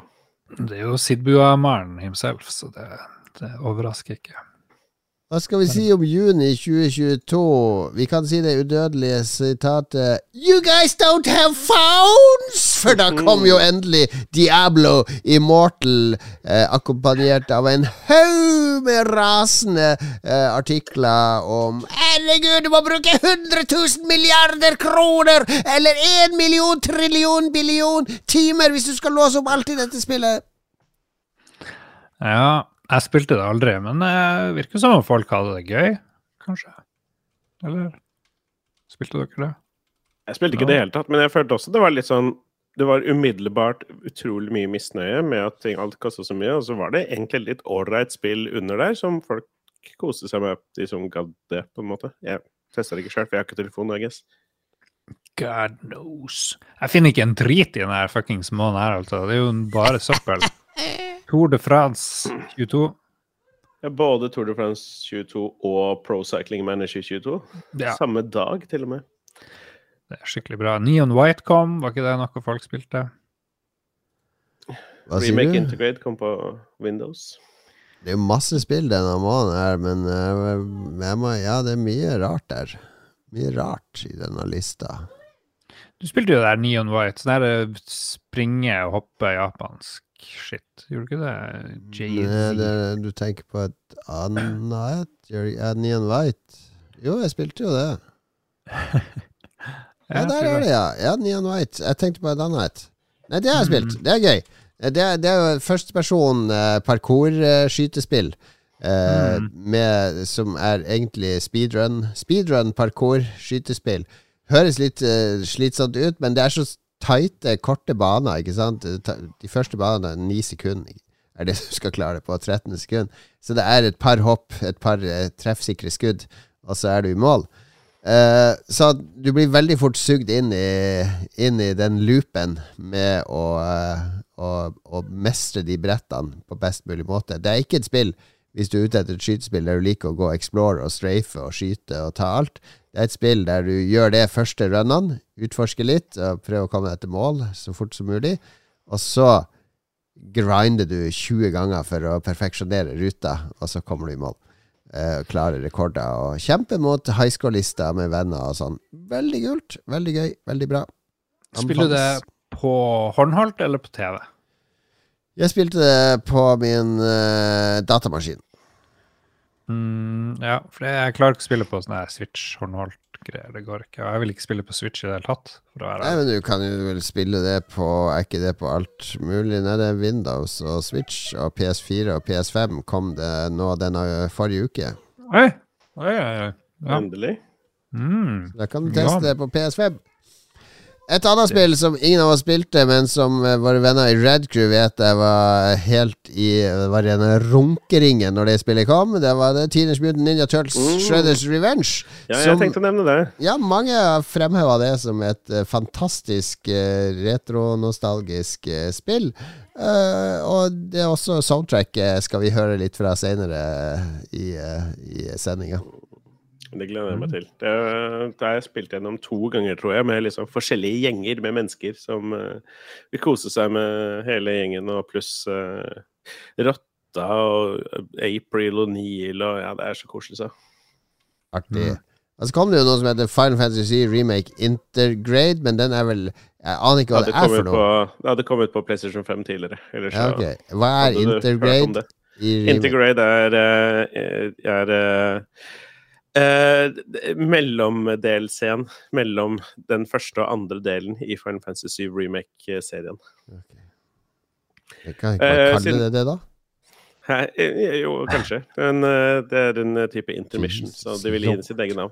Men siden du ga meg den, så kan jeg gi deg Mario Strikers Battle League. Jeg vet ikke om du spilte noe med det? Men det Ja, men det er Det skuffa litt. Det skuffa litt. Ah. Det, det var ikke så bra som det burde være. Et eller annet som mangla der.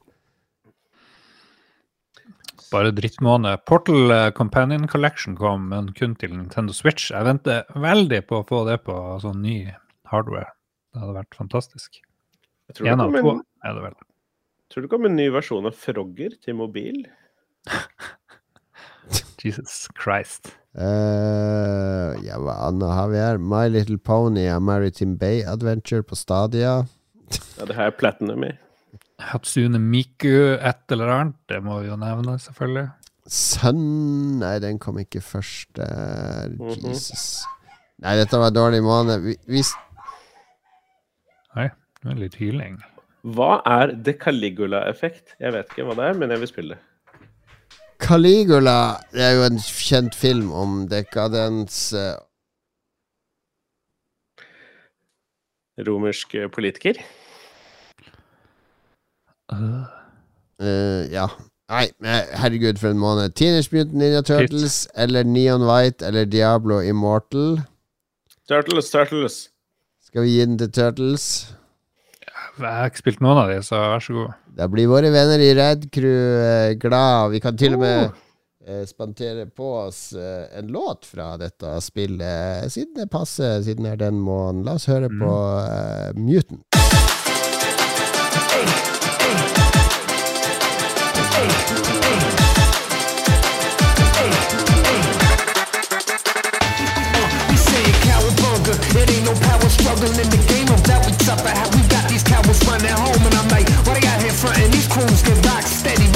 Playing faster than bebop. Gillespie with the technique. Y'all like one on one shoot. Mikey take a hundred plus some with the nunchuck. Leonardo cut him up. Donnie, he the smartest. He gon' teach you ever dumb enough and rap. Just asking. Satachi or the uppercut. What's up? Hey, hey, rolling up Broadway. Herregud, jeg håper vi overlever på Spotify nå. Jeg visste ikke at det var vokal i den låten. Fet låt, fet låt, fet låt, fett spill. Vi lover. Jeg var for gammel for Turtles, det var greia, ikke sant? Ah, ja. Ja, jeg er for gammel for den greia der. ja, riktig. Ja, jeg var perfekt alder midt der. Jeg Ja, husker det med mm. Vi er i juli. Vi er halvveis. Åssen syns dere det går? Skal vi ta en fot i bakken? Uh, Vi har, vi har oss, De seks vinnerne vi har nå. De seks beste spillene så langt i 2022 er Rugby 22, Elden Ring, Tunic, Rogue Legacy 2, Hardspace Shipbreaker og Teenage Mutant Ninja Turtles Shredders Revenge. Det er ikke en ille liste, altså. Det er bra spill. Veldig bra.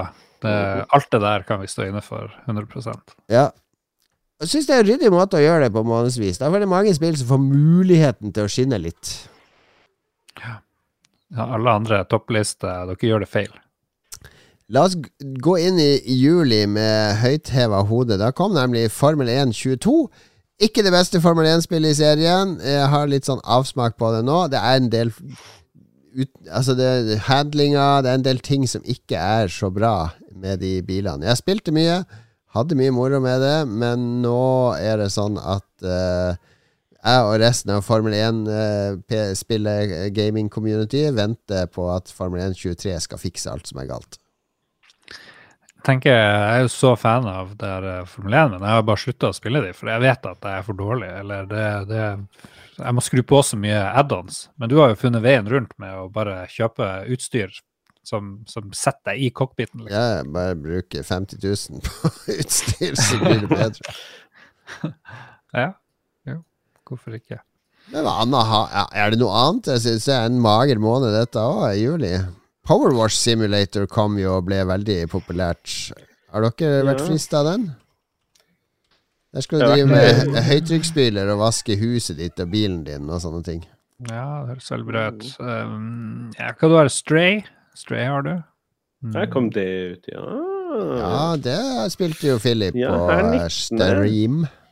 Ja, da ble det jo enkelt å nominere nå. eh, For jeg lette også litt etter nå. Men ja, det syns jeg var koselig. Jeg har en sans for katter, da, så det er jo koselige dyr. Hva, hva syns du om den eh, intelligente dansemusikken? IDM-en som de går igjen i det spillet. Det ga, jo, ga jo et mye mer helhetlig intellektuelt inntrykk av, av eh, spillet som kunstform. Det gjorde jo det. Ja. Se på den. Mm, live Alive, Live Alive fra Square Enix, eh, rollespill, drit. Spilte Remake av et spill fra 1994. Hold kjeft! Å ja, det er en remake. Ja, fuck heller. Ja. Det er bare drit uansett. Bare glem det. Ikke noe som ikke er remake der. Jeg husker du har snakka om det. Så, Ja, Turrican kom til eh, Nintendo Switch og PS4. t- Om det eh, nomineres ikke, men jeg visste ikke at det det, som kom. kom, var jo dette Xenoblade Chronicles 3. Uh, jeg har jo spilt uh, det første og det andre. Jeg må innom begge de to. Gikk jeg inn i med hud og hår. Nå skal jeg runde disse JRPG-ene, og så blir de så komplekse, de systemene, og litt sånn utmattende, at jeg falt av de. Så treeren har jeg faktisk holdt meg unna. Mm. Digimon Survive kom, det spilte jeg faktisk eh, ganske mye av en stund. Ja, det husker jeg du sa. Ja, det er helt sant. Bandai Namco sender gladelig ut koder eh, fremdeles. Det gjør jo at jeg får spilt litt eh, greier der. Det kom et annet spill tidligere i år, jeg husker farsken ikke hva det var, men det tror jeg jeg glemte. Ah, nå blir de sure på deg. Nå blir de sure på deg. sur. Så jeg vil si i, til ære for Bandai Namco Entertainment, eh, Digimon Survive fortjener Game of the Year. You heard it here first. Nei da, det er jo sånn Pokémon-skit. Du Ja. samler inn monster, og det er sjarmerende.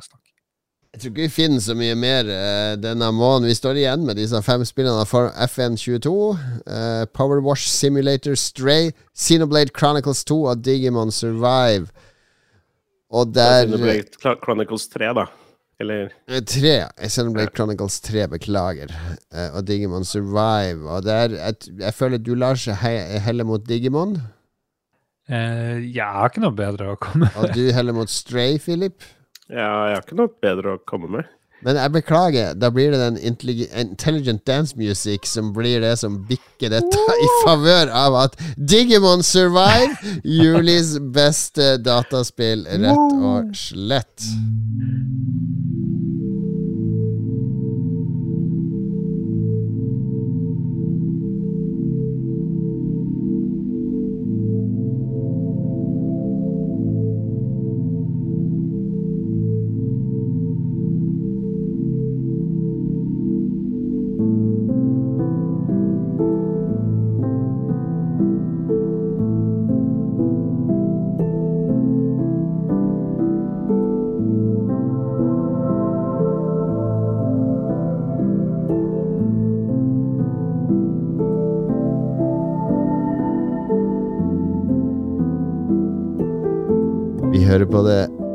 Umåtelig vakre soundtracket til spillet Signalis, som vi nok kommer til senere i kåringa. Et tysk eh, old school eh, horrorspill som ligner litt på Silent Hill, Resident Evil, i en eh, sci-fi setting. Og soundtracket er laga av eh, Cicada Sirens og eh, 1000 Eyes, heter de to artistene det er, det er ikke mye spillsoundtrack jeg hører på, men det her er musikk som jeg gladelig kjøpte på Bandcamp, og som jeg kan høre på mens jeg jobber. Det er, det er også litt sånn Call of Cthulhu-musikk hvis man skal spille rollespill. Veldig, veldig stemningsfullt og mykt og fint. Og Signalis. anbefales hardt idet vi går inn i august måned. Høsten nærmer seg med stormskritt. Sommeren er over. Noen av oss er på Øyafestivalen. Noen av oss uh, ja, Jeg vet Bista. La oss bare ta og snakke om spillene. Hva skjedde med hun der prinsesse Kan det hende? Nei, for jeg, jeg skulle sjekke Og hva skjedde i nyhetene i juni? Altså, det første som skjedde Der er jo pride-skytinga og sånn, så tenker jeg la oss ikke La oss holde oss til spillene. Jabbedu. Axiom Verge kom i august. To, Axiom Verge 2. Um, ikke like bra som uh, det, det Tour de Force, uh, Metroidvania, enmannsutvikla greia. Som var en sånn uh, en dyster uh, verden hvor du for rundt og ble teleportert, litt sånn Another World-aktig, til en, en fremmed plass etter Ja. et eller annet mislykket eksperiment, eller hva det var. Axiom Verge 2 fortsetter litt der og her, men uten den litt samme sjarmen, men litt sånn artig gameplay, uh, hvor du plutselig kan bli en sånn en liten uh, en edderkopp og være og springe rundt som det, og du kan kontrollere droner, og det er glitcher i verden og sånt. Men uh, Veldig bra spill, men jeg har runda det, men jeg syns ikke det var like bra som det første. Det er, det er kult med disse soloutviklerne. De heier vi jo også på, alltid på. Ja. Lars. Han Tom Hall er det vel som har laga Tom Happ? Er det vel som Thomas Happ, ja. Tom Happ. Happy Tom, tror jeg. Ja. Happy Tom sin nye karriere. Jeg vil, jeg vil se meg med Two Point Campus, som kom denne måneden. Det er laga av eh, Two Point Studios, eh, som i 2018 ga ut Two Point Hospital. Dere ser et mønster her. Mm. Det er Two point, hva betyr two point, liksom? Two Point. Eh, men Two Point Hospital var jo en sånn åndelig arvtaker til Theme Hospital, hvis dere husker den klassikeren fra Amiga og PC på 90-tallet. Mm. Så de, de har basically laget, tatt de, det konseptet der og begynt å lage spill eh, basert på det. Og Two Point Campus var eh, basically Two Point Hospital, bare at det foregår på universitetet. Eh, ikke min greie i det hele tatt, men jeg respekterer at denne subsjangeren har blitt vakt til live igjen. og holdes i uten Peter Molyneux sine klamme hender over, som bare Wouldn't it be wonderful if the teachers could fuddle uh, the, the, the, the female students uh, and lock them in a cupboard? It would be a, a wonderful, living, breathing uh, game world where the player has unlimited possibilities. What if there was a boy named Milo in your computer, in your Kinect? Oh my god. Ja. Uh, b- b- b- b- Cult of the Lamb kom. Var det noen oh, som ja, prøvde ja, ja, ja, ja, ja! Cult of the Lamp. Var det noen som spilte det? Det er et spill som har vært høyt oppe på lista mi over ting jeg må spille, men som alltid har datt ned fra den lista. Mm, samme her, altså. Samme her. Jeg er sikker på at det er et knallbra spill. Jeg har til og med noe fra soundtracket et eller annet sted upcoming her. Jeg foreslår at vi bare tar det til månedsspill, selv om ingen har spilt det. Ja, det er Devolver Digital-folka. Ja, det ja. Ja, ja, ja. så jo stilig ut. Det er helt sikkert Helt sikkert bra. Uh, noe litt mer mainstream som kom den måneden, var jo det Multiverses. eh, Warner Brothers sitt uh, beat them up. Uh, Ja. Smash Brothers-versjon, holdt jeg på å si. Dere har sett eh, den der Space Jam-filmen med han, eh, han eh, moderne Ah, basketspilleren? LeBron James. LeBron James. Mm -hmm. Det er også Warner Bros. sitt multiverse in effect. Det er jo noe av det mest eh, groteske jeg har sett i mitt liv. Så det her tør jeg ikke. Jeg tror jeg får hjerteinfarkt hvis jeg spiller multiverses. Ja, det er, det er litt av en greie. Jeg spilte jo Det er jo alt mulig rart av figurer fra, fra, mm, fra Warner Brothers-universet. Alt fra Batman og Harley Quinn, Supermann og disse folka. Aria Stark fra Game of Thrones til Shaggy og Scooby-Doo. I Space Jam-filmen så er også Clockwork Orange med. Oi, ja, det er ikke med her ennå. Det er så absurd. Der står Snurre Sprett sammen med de der eh, hvitkledde karene med susp og bowlerhatt i, i Clockwork Orange. Eh, artig for så vidt spill. Den har en del sånn artig humor og sånne ting, men i bunn og grunn så er det jo et, den type beat them up-spill som tar tid å bli god i, og hvis man ikke gjør det, så er det ikke så gøy. Så ja. Mm. Vi har også, Lars, du nevnte at du er for dårlig til å kjøre Formel 1-bil, men det som kom nytt av året i år, eh, fra Frontier Development, som lager Elite Dangerous, blant annet eh, Det er jo til og med han eh, eliteskaperen, ikke han Ian Bell, men han andre. Åh, hva heter han? Ian Bell og uh, eh, David Brabben. David Brabben Ah, ja. som eier det studioet.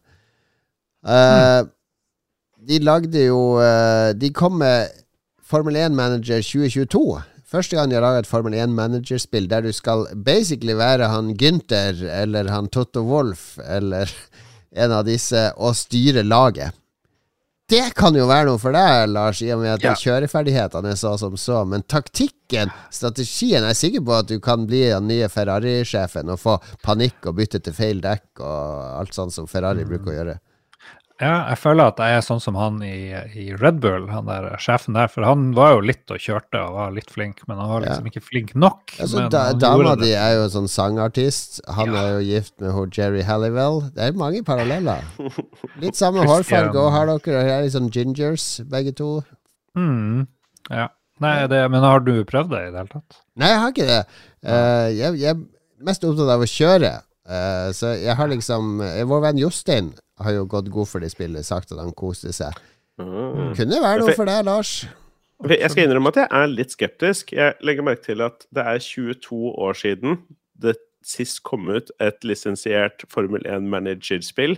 Eh, og at Frontier Developments annonserte to måneder etter at spillet har sluppet, at de ikke lenger vil ja, ha oppdateringer og støtte for det. Så det virker ikke sånn det Mm. smalt særlig.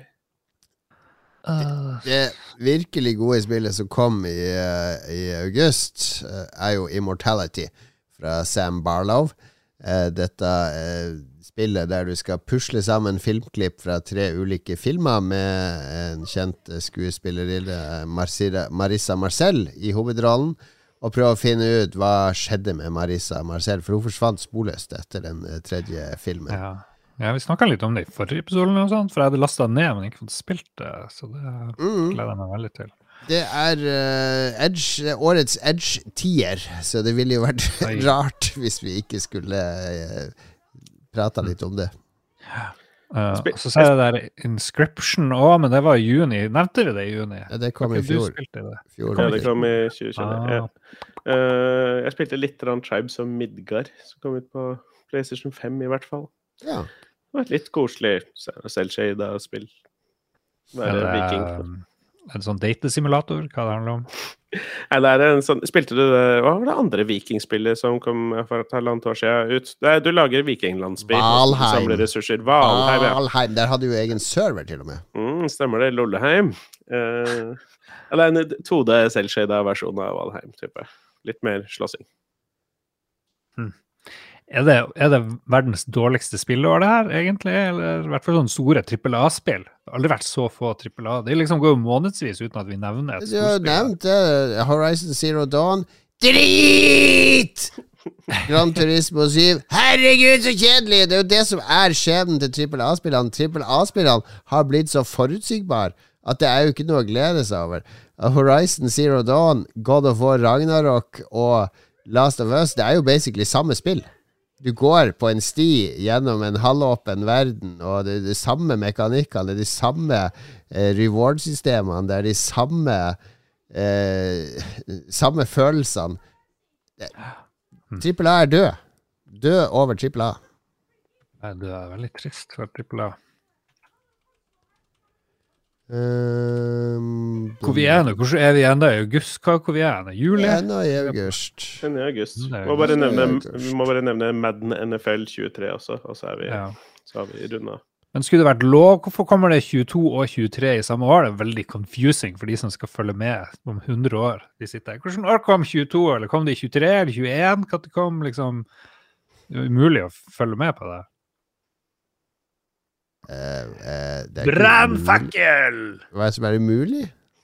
Det, Det kommer liksom Formel 1-manager 2022, og så kommer plutselig sånn eh, 23-versjon av, av NFL Madden-greier. Det gir ingen mening. Drit nå i det. Vi har syv spill i august. Vi må kåre én vinner. Er det Axiom Verge 2? Er det Two Point Campus? Er det Cult of the Lamb? Er det Multiversus? Er det F1 Manager 2022? Er det Immortality? Eller er det Tribes of Midgard? Gi litt F i, uh, i august, altså, kjenner jeg. Ja, jeg vil uh, kjempe med nebb og klør for Immortality her. Ja, da skal du få lov til det. Immortality, Sam Barlow, vi elsker deg. Keep on doing what you're doing, boy.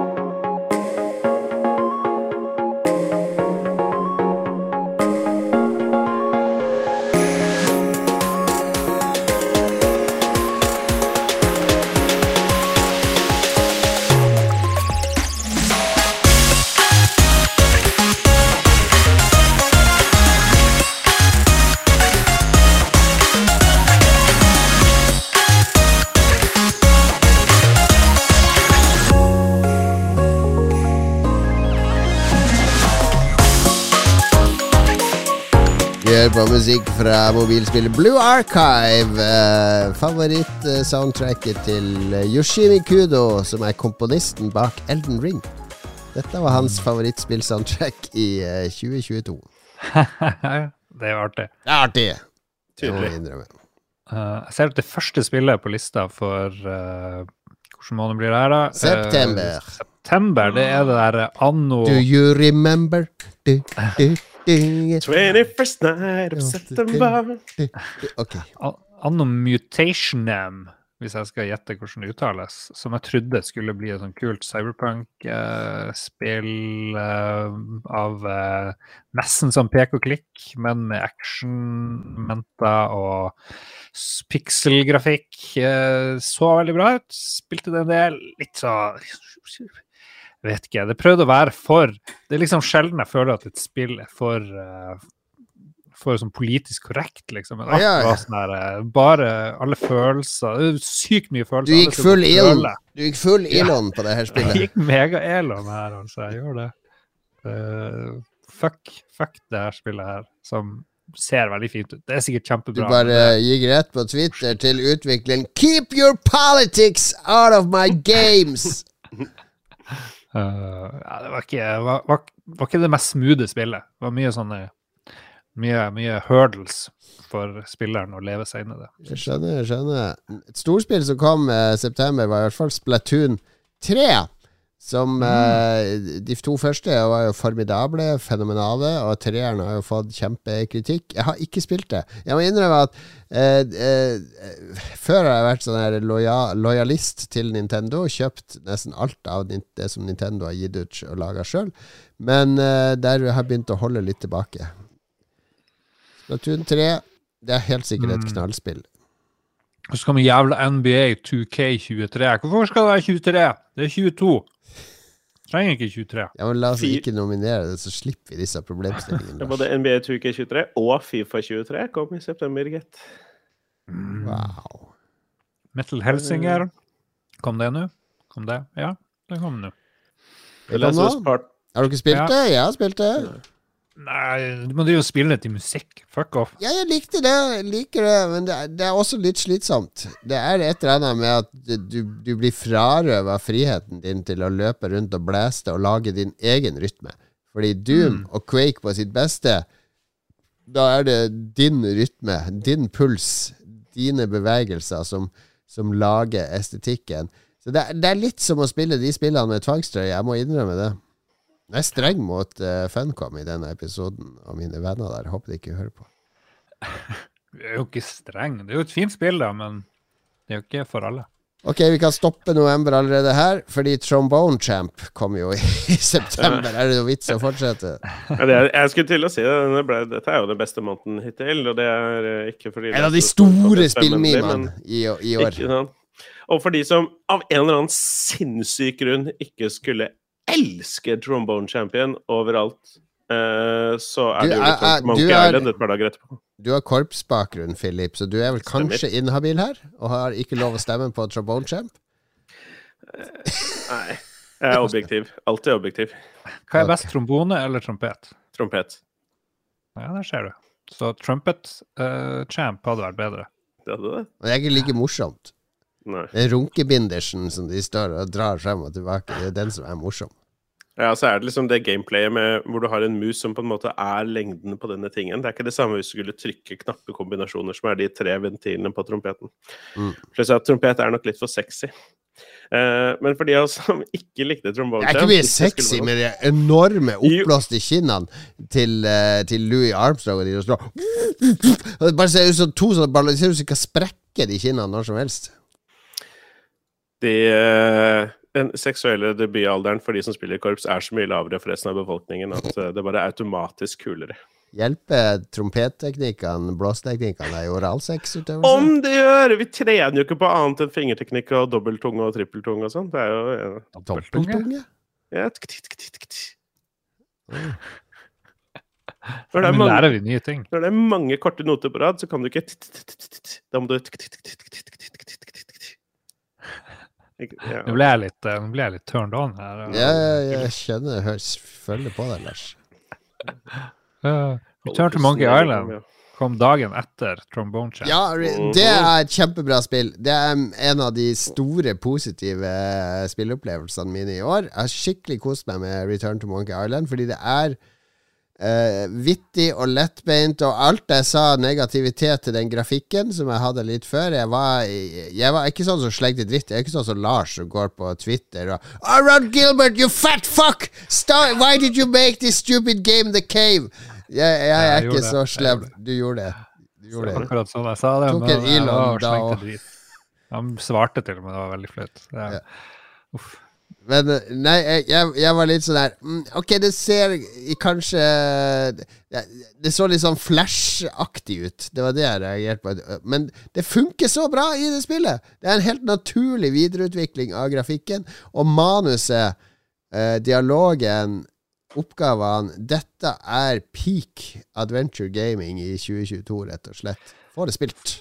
Mm, får du lyst til å spille det forrige han lagde, som var sånn der Twin Peaks-inspirert point and click-sak, som jeg ikke klarte å spille mer enn et par timer, som jeg ikke husker hva heter. Thimbleweed Nei, hva er det for noe? Thimbleweed Park? Nei, Ja. fordi det er veldig sånn spill Fanservice-spill. Der fans vil ha noe som ligner på Maniac Mansion, de vil ha full nostalgitripp. Da prøver vi å lage det. det jeg prøvde å spille det òg. Drakk litt whisky, pekte og klikte, klikka litt. Men det, det er litt sånn venstrehåndsarbeid i forhold til det her. Her er det en labor of love, hele spillet. Ok. Vi har også spillet Grounded, som har vært ute i Early Access lenge, men ble lansert i september. Eh, det er et spill som jeg ikke har spilt. Jeg regner med at dere ikke har spilt det heller. Men har dere hørt om det spillet? Ja, masse er Honey I Shrunk the Kids, the video game. Ja, det er Obsidian Entertainment som eh, har laga det. De er jo veldig kjent for gode action-rollespill og, og rollespill og sånn. Men dette spillet er svært. Det er jo millioner av spillere som spiller det, visstnok. Masse over, barn. fe over fem millioner som spilte gjennom Early Access. Uh, det er et sånt survival-spill. Uh, Online-spill, rett og slett. Min teori er hvis det kommer ut på nok språk og plattformer, så er det fem millioner som spiller alle spill. Kanskje, kanskje. Et som vi spilte over uh, eh, Jeg kan ikke ha god tid. Jeg klarer ikke å prate. Vi har holdt på halvannen time med god tid nå. Et som har blitt spilt av over fem millioner spillere, er Fifa 23. Det kom også denne måneden. Eh. Jeg spiller det en del med min sønn. Han fikk det i bursdagsgave i oktober. Han er veldig opptatt av eh, Fifa og, og fotball og sånne ting. Det er gøy. Det er morsomt, men det er, det er som alle andre Fifa. Bortsett fra at menyene er enda dårligere og ugjennomtrengelige, og ting tar mye lengre tid. La oss bare spille, for guds skyld. Ja. Så kom Pop Patrol Grand Prix. Det tar jeg ikke med engang.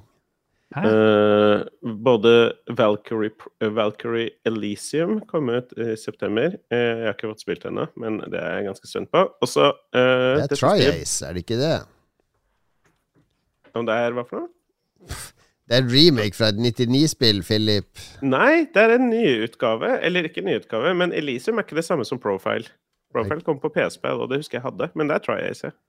Ok. Uh, men eh, dette Biomutant kom også ut i september, men det var vel en generelt sett stor ganske nei, Det kom ut i fjor. Å oh, ja, det var en Å oh, ja, ok, ja, riktig. Ja, det var enda større grunn til at ingen brydde seg. Vi står igjen med åtte spill. Anno Mutationem, Splatoon 3, Metal Helsinger, Trombone Champ, Return to Monkey Island, Grounded, Fifa 23, Valkyrie Elysium. Jesus Christ. Jeg har jo lyst til å si Monkey Island, men jeg har ikke spilt det, så da må jeg jo gå for Paw Patrol eh, Grand Prix. Paw Patrol er ikke med her. Ok, da eventuelt et av de andre. Monkey Island er nevnt. Trombone Champ er nevnt. Jeg, Philip, jeg går for hva Trombone tenker du? Det er åpenbart, Trombone, altså. trombone eller Monkey? Det blir trombone. La oss gi det det. trombone. Trombone Champ, gratulerer. Dessverre har vi ikke musikk fra Trombone Champ. Eh, Vi får nøye oss med den låten her. Vi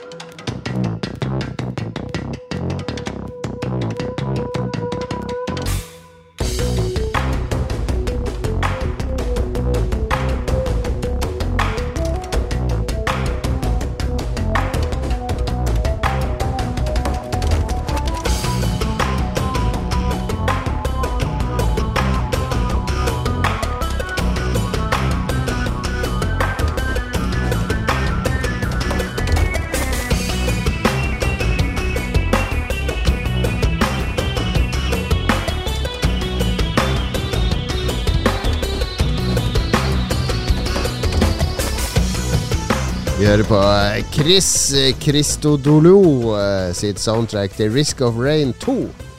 Eh, Chris Christodolo, eh, komponisten av Risk of Rain 2-soundtracket, kåra rett og slett Risk of Rain 2-soundtracket til sitt favorittsoundtrack fra i fjor.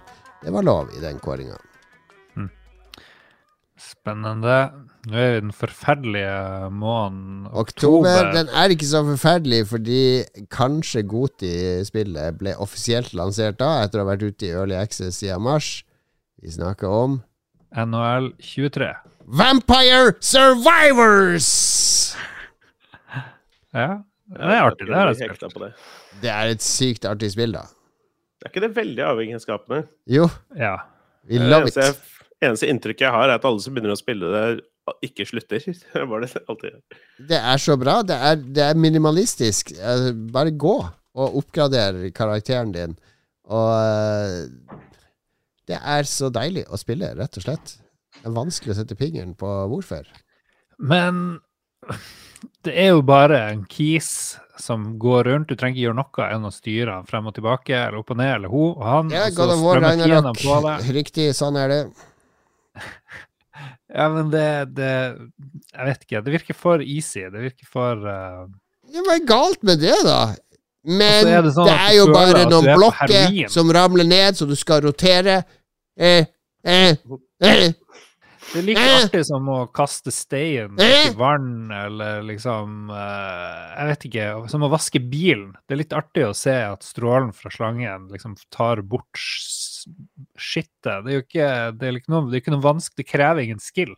Krever null skill. Det krever ikke noe fucking skill å gå inn på den kafeen i Gran Turismo 7 for å få låse opp en ny, eh, ny serviett eller reklamebrosjyre for noen biler som gjør at du kan gå inn og så holde inn i gassen og svinge til høyre to ganger på en bane for å ta et sertifikat.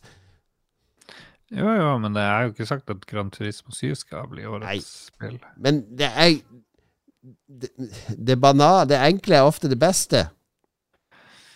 Mm, ja, da burde vi jo bare drikke vann hele tida, liksom. Jeg liker at vi har de beste sammenligningene nå ever. Vampire Survivors er nevnt. Et spill som kom også denne måneden, og som jeg ikke orka å teste ut, var No More Heroes 3. Ja. ja, jeg dro frem det i en egen tab mest av respekt for de tidligere spillene. Jeg husker jeg koste meg Mm. veldig med én og to back in the day, men uh, ja, uh, kanskje ja, litt slitsomt nå.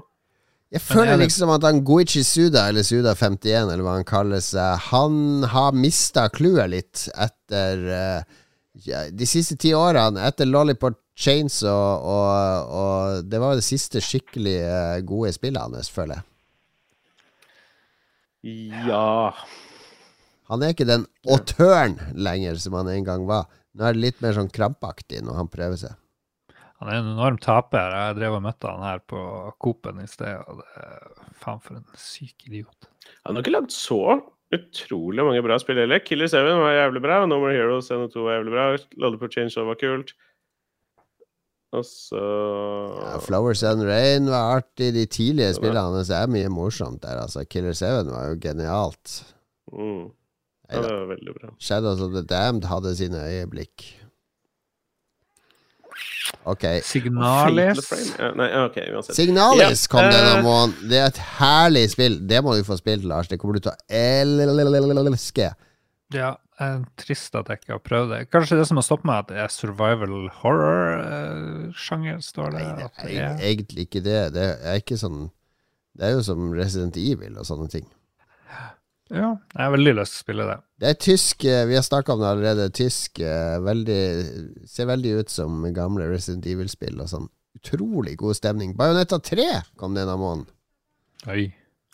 Nintendo Switch, totalt uinteressant. Ja, det har blitt sånn for meg òg. Jeg orka ikke å, å spille det.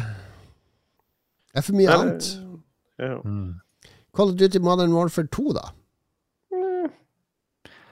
Jeg har ikke spilt Du spilte det, gjorde du ikke det? Du har spilt Ja da, jeg har nesten spilt gjennom kampanjen. Den er en lidelse. Uh, det, det er jo et skytegalleri med fin grafikk. Men multiplayeren har jeg spilt en del. Jeg er veldig glad i Warzone og DMZ. uh, så Mm. det er jo det som er styrken til, til det spillet, ikke den elendige kampanjen. Jesus. Ok. Skal vi gi seieren til Signalis og gå videre? Eh, Vampire Survivors vil jeg gi den til. Ok, ja, Jeg har nå spilt det, i hvert fall. Jeg er med på det.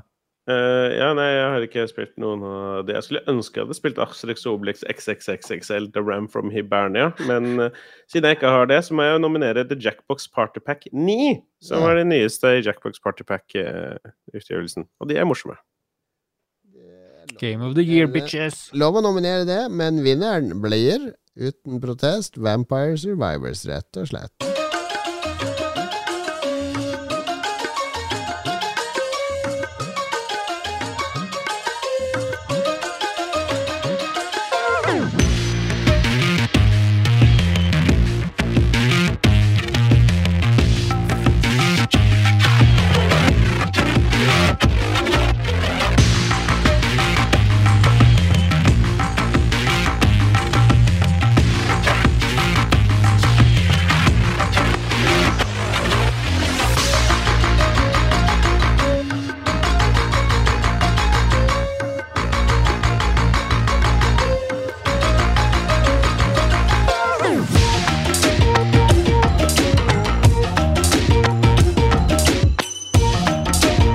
Fett er ikke det her? Det er musikken til Shadow Warrior 3, rett og slett. Eh, som eh, Mick Gordon, komponisten av Doom 2016 og Prey og Killer Instinct, sier Masei Kuleska's score to Shadow Warrior 3 has a sound like RCA and Liam Howlett jamming with kung fu film samples. Artig. Ja, ja, det er fett soundtrack, faktisk. Mye bra låter der. Alle er litt sånn der uh, in your face, big beat, uh, uh, Asia kung fu-musikk. Njam, njam, njam. Du gleder meg veldig til november, folkens. Jeg ser i hvert fall ett en eh, utgivelse Do you godt. remember Ok. Mm. Men først må vi jo nevne fuckings Eller er det noen som har prøvd fotballmanager 2023? Nei, nei, la oss ikke ta med det. God of War, Ragnarøk. Har ikke spilt, men hater det fordi det har en Ø over Eller en sånn tødle over O-en, så det blir røk. Faen er det man holder på med? Footballmanager, det har jo vært Redan to allerede bedømt. OK, ok, men skal vi bare ta Du det med en gang? Du spiller jo Ragnarøk nå, gjør du ikke det, Philip? Jo, fordi jeg skjønner jo at Jon Cato har blitt for pretensiøs og lar sjakke tid til å verdsette det som lytterne liker. Ikke sant? Eh, så jeg får representere de litt, da. Jeg vet ikke hvor mye det har vært spilt tidligere uke, men God of War Ragnarok er jo kjempegøy. Det er jo så bra, og det er jo så morsomt. Jeg koser meg kjempemye med det spillet.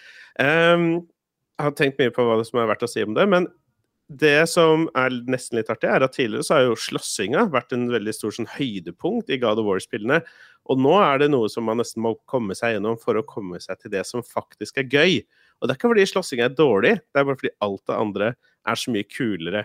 Og jo da, det går jo mye på skinner og sånn. Og jo da, det, man kan liksom gå inn i options og liksom trykke på Sette på sånn at man trenger ikke klatre selv, og man trenger ikke trykke på noen knapp for å åpne kister eller plukke opp ting. Alt går liksom skikkelig på skinner hvis man først ønsker at det skal gjøre det.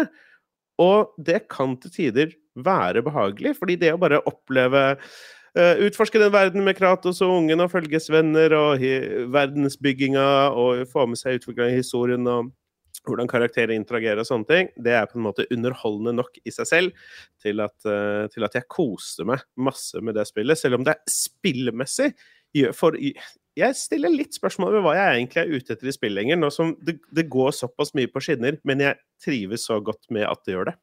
Ja. Mm. Jeg liker det. Godt innsalg. Mm. Eh, du, du driver og selger meg inn. Jeg sier de Ragnarøk mange ganger i spillet. Uh, It's the Ragnarøk! Ragnarøk's coming! Fire is falling from the sky and it's freezing still. It's Ragnarøk. Vi får jo ta og gi det litt, eh, litt konkurranse.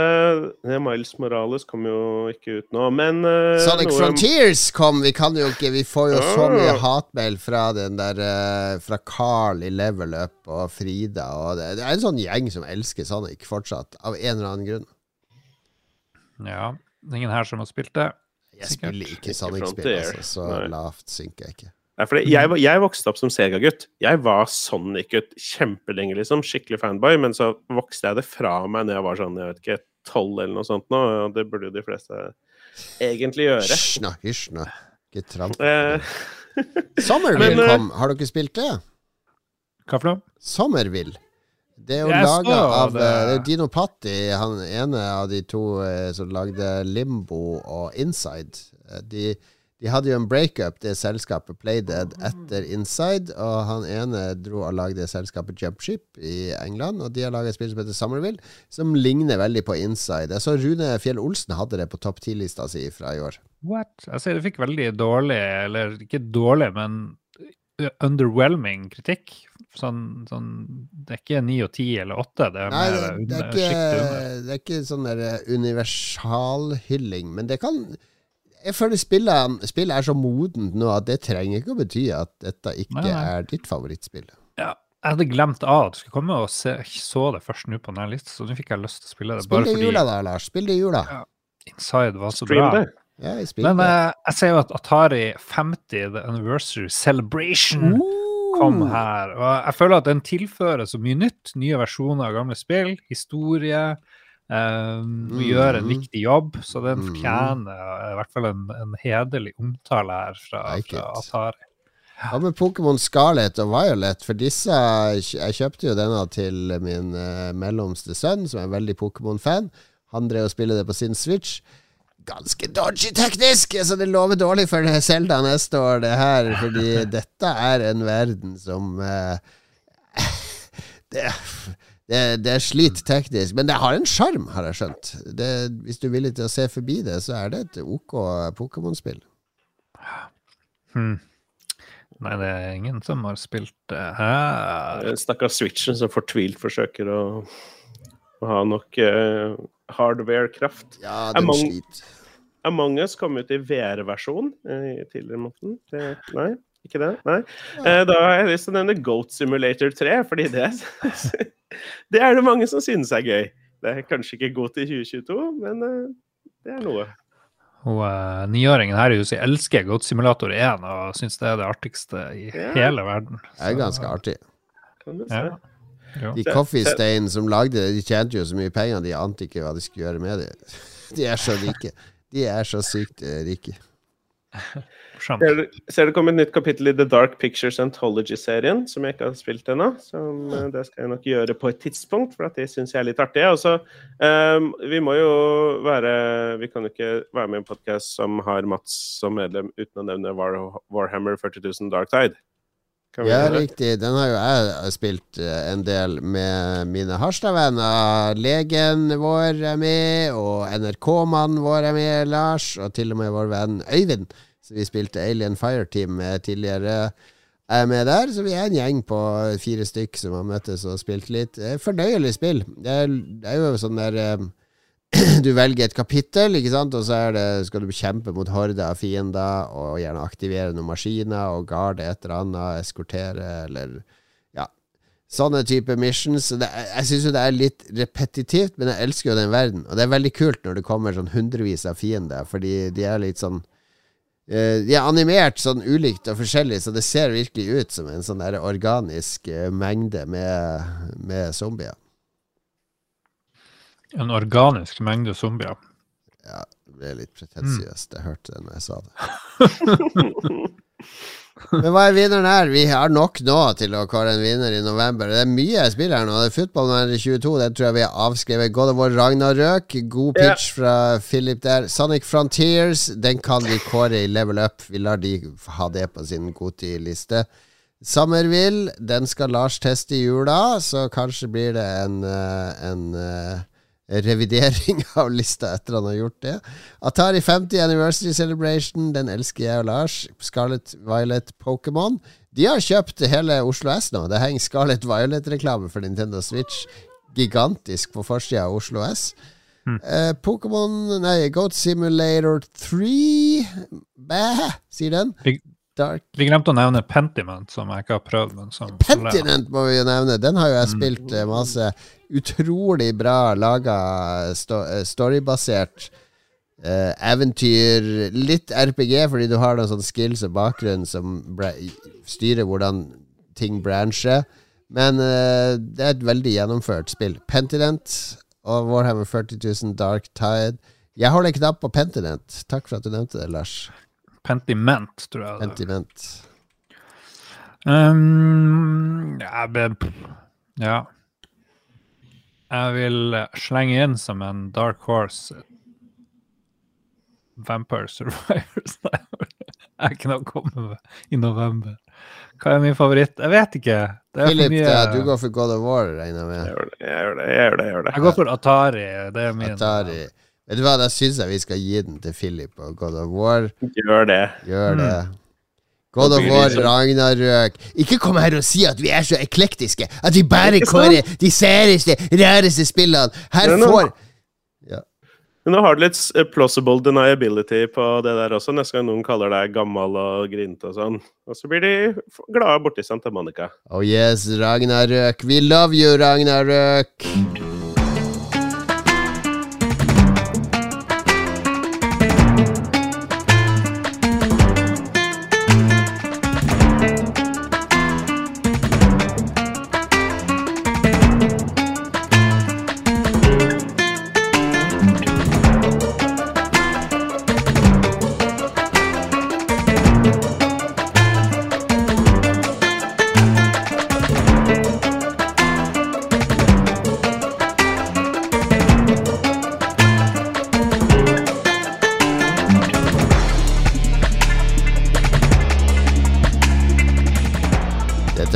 Cult of the Lamb, som vi snakka om tidligere. Som vi dessverre ikke har fått prøvd, noen av oss, men som uh, har fått gode skussmål.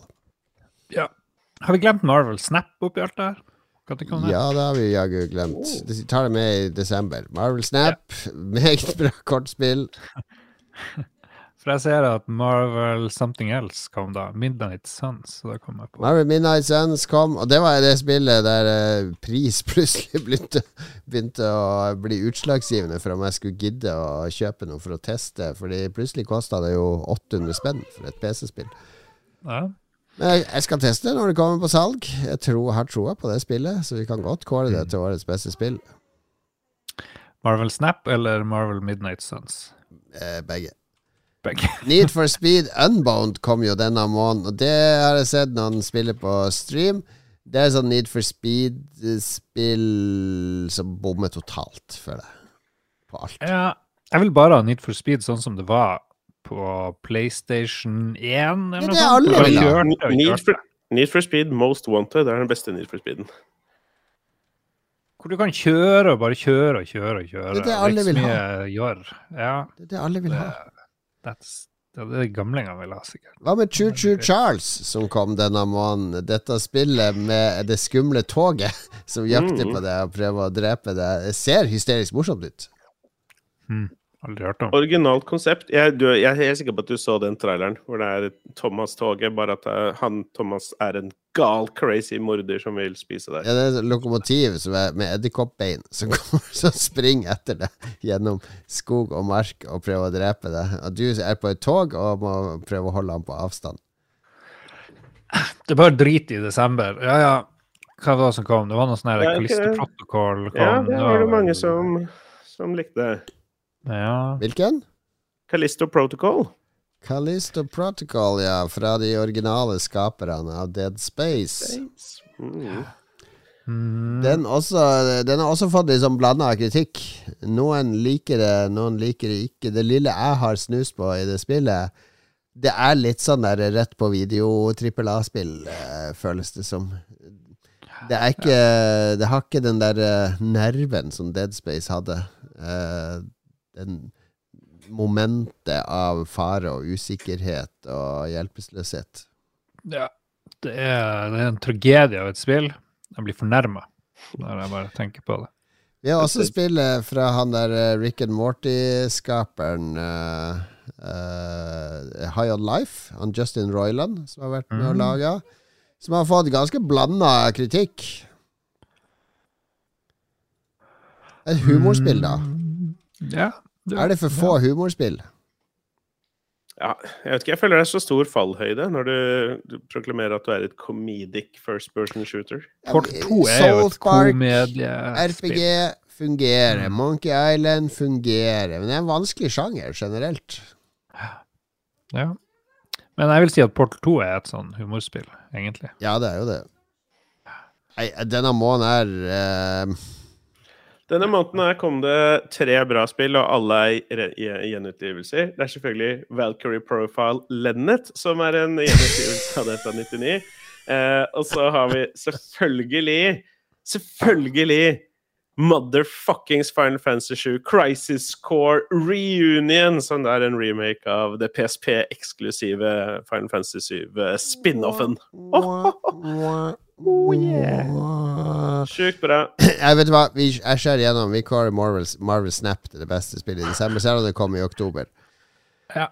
Så vi får en slutt på lidelsene her. For nå, vi, det er 1 time og 53 minutter har vi snakka nå om årets beste spill. Og det gjenstår fortsatt å kåre årets beste spill. Og nå må dere spisse ørene, folkens. ja. Jeg har et forslag. Ja. Vi begynner øverst eller nederst, og så tar vi to-to spill, eh, slåss mot hverandre, Nei, ja, og nå, nå, vi vi stack-ranker. Ja. Stack-ranker. Så vi begynner nå. Marvel Snap. Det er per nå årets beste spill. Det skal opp i duell med Nå triller jeg en terning her. Du kan ikke late som han triller terning. Jeg satte bare ned et glass. ok, jeg skal gå på random.org. Skal det gjøres ordentlig, skal det gjøres ordentlig. Da har vi tatt nummer uh, Ja, gi meg noen cookies, da. Da skal vi se. Der, der har vi tatt nummer tolv. Da står vi random tall mellom 1 og 11. Det er det da Mars-spillet Tunic versus Marvel Snap. Hva er best, Lars?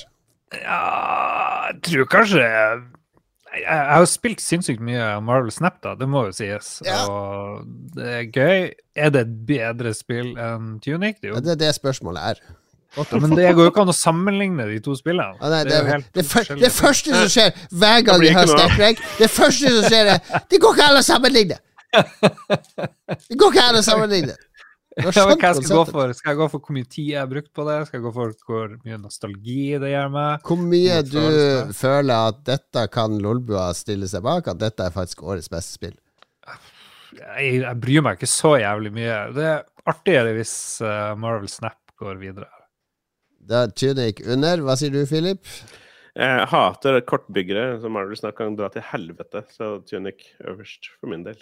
Ja, nei, jeg tar Tunic under, så det Marvel Snap er fortsatt årets beste spill. Tunic på andreplass. Mm, a new challenger has arrived.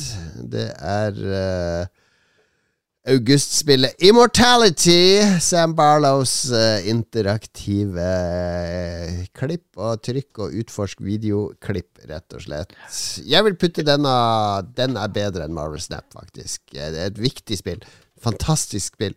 Og det er en hån at han der uh, God of War-skuespilleren vant den prisen foran hun som spiller hun Marissa i dette spillet. En hån mot skuespillerkunsten.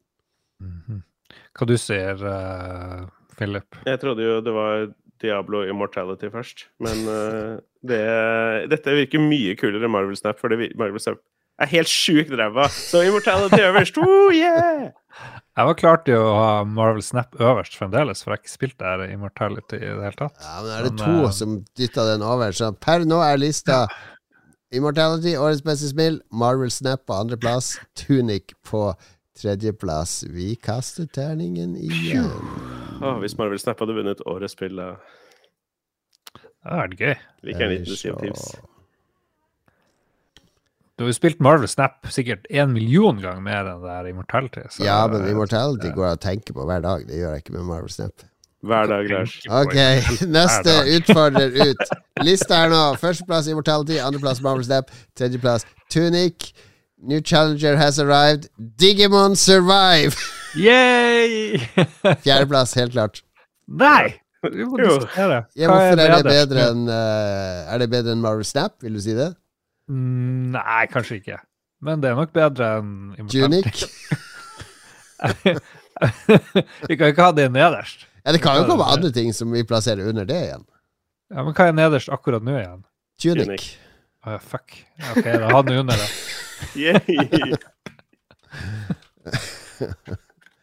Veldig bra. Ok. Neste ut er God of War Ragnarøk. Ja. Philip Ja. fikk det ikke med seg, så vi kan Nei, putte bra. det Da putter vi det nederst. Putter vi nederst. Under Digimon. Bytte batteri i ti sekunder, og så ble det God of War som ble tatt opp, da, eller? Ja, det er, det er nå på femteplass. God of War Ja, Ragnarøk femteplass. Under Digimon Survive på fjerde. Tunic på tredje. Marvel Snap på andre. Og Immortality på første. You snooze, you lose, Philip. Du vet det. Jeg så at du bare satt og venta til jeg måtte skifte batteri på headset, og så bare Ja, der er det God of War sin tur! ja, ok, Nå kommer er en, eh, en- En trick igjen. eh, et humorspill.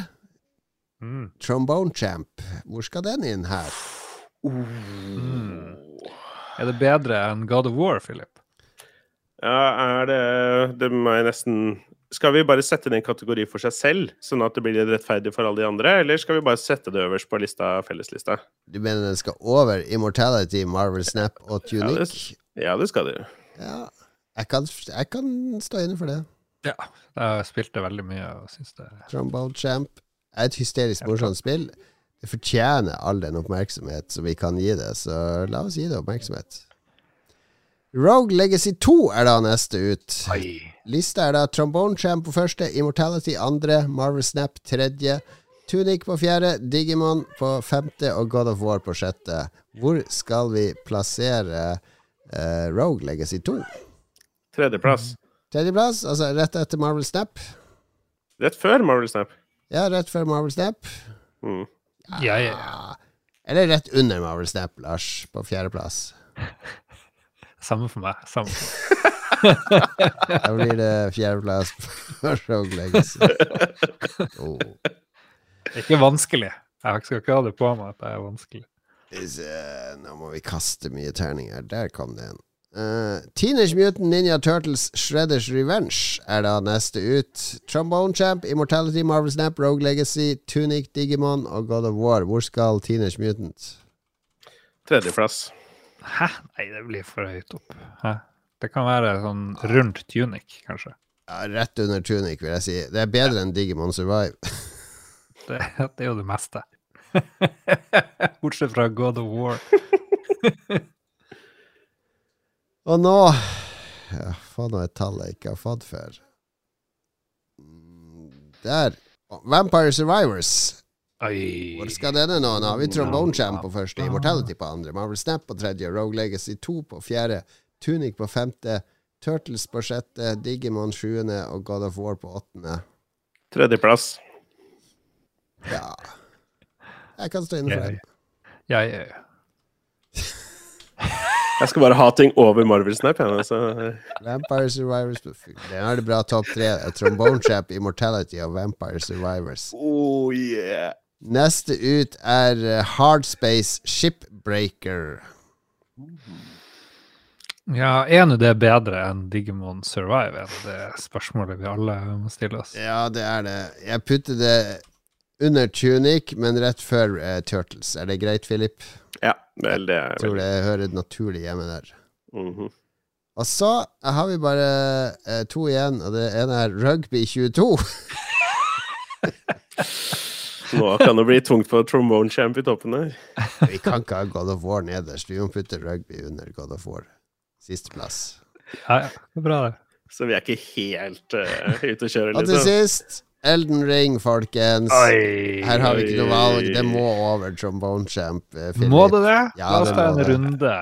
På jeg. Jeg har jo streama begge deler ganske mye, men uh, jeg tror jeg har lagt et par timer mer i Elden Ring enn jeg har i Trombone Champ, så nesten utelukkende på grunn av det, så tar den Er vidt ikke Er ikke Trombone Champ mer nyskapende enn Elden Ring, vil du si? Jo, det vil jeg påstå. Mye enklere å forstå historien der også, og mye mer uh, tilgjengelig persongalleri. Det er ganske vanskelig spill, da, egentlig. Ja, Eh, med Gameplay-messig så er det minst like vanskelig som Elden Ring. Er Trombone Champ musikkspillenes svar på Dark Souls? Jeg orker ikke mer. Vi er, vi er Elden Ring er på topp. Lolbuas Game of the Year i år. 2022. Tolvteplass Rugby 22. Ellevteplass God of War Ragnarøk. Tiendeplass Digimon Survive. Niendeplass Teenage Mutant Ninja Turtles Shredders Revenge. Åttendeplass Hardspace Shipbreaker. Syvendeplass Tunic. Sjetteplass Rogue Legacy 2. Femteplass Marvel Snap. Fjerdeplass Vampire Survivors. Tredjeplass Immortality. Eh, Andreplass Trombone Champ. Og førsteplass Elden Ring.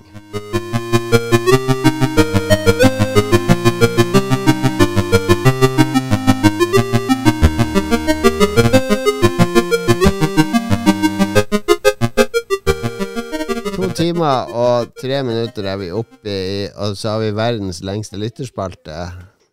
Ja, jeg har en løsning. Eh, Vi, vi eh, tar et utvalg. Utvalg av de 72 kommentarene. Jeg syns det er bare 172 som har Jeg har en annen løsning. At du spiller inn solo, en lytterspalte spesial, der du sitter og filosoferer over hva de sier. Så blir det romjulsepisoden. Herregud. Vi finner på noe. Beklager alle lyttere, men Jon Cato hater dere. Jeg, jeg, jeg har julegave jeg skal pakke inn, og så skal jeg kjøre til Sverige klokka syv i morgen tidlig med familie. Du snakker om julestri. Det er julestri her òg, Lars. Det, det er det. Jeg har ett innlegg vi må ta med. Skal vi se, hva var det for Jeg tar nå Mm. noen, da, for heller bli skilsmisse her. Vi må nevne han David Møller Eliassen, som sier at uh, årets beste spillopplevelse var Return to Monkey Island, fordi Monkey Island er min all-time favorittspillserie, og han kunne sitte og gruble eh, på puzzle sammen med faren hans. Eh, Nå igjen! Akkurat som de gjorde for 25 år siden. Det er, det er hyggelig, ja. Det er rett i the feels, altså.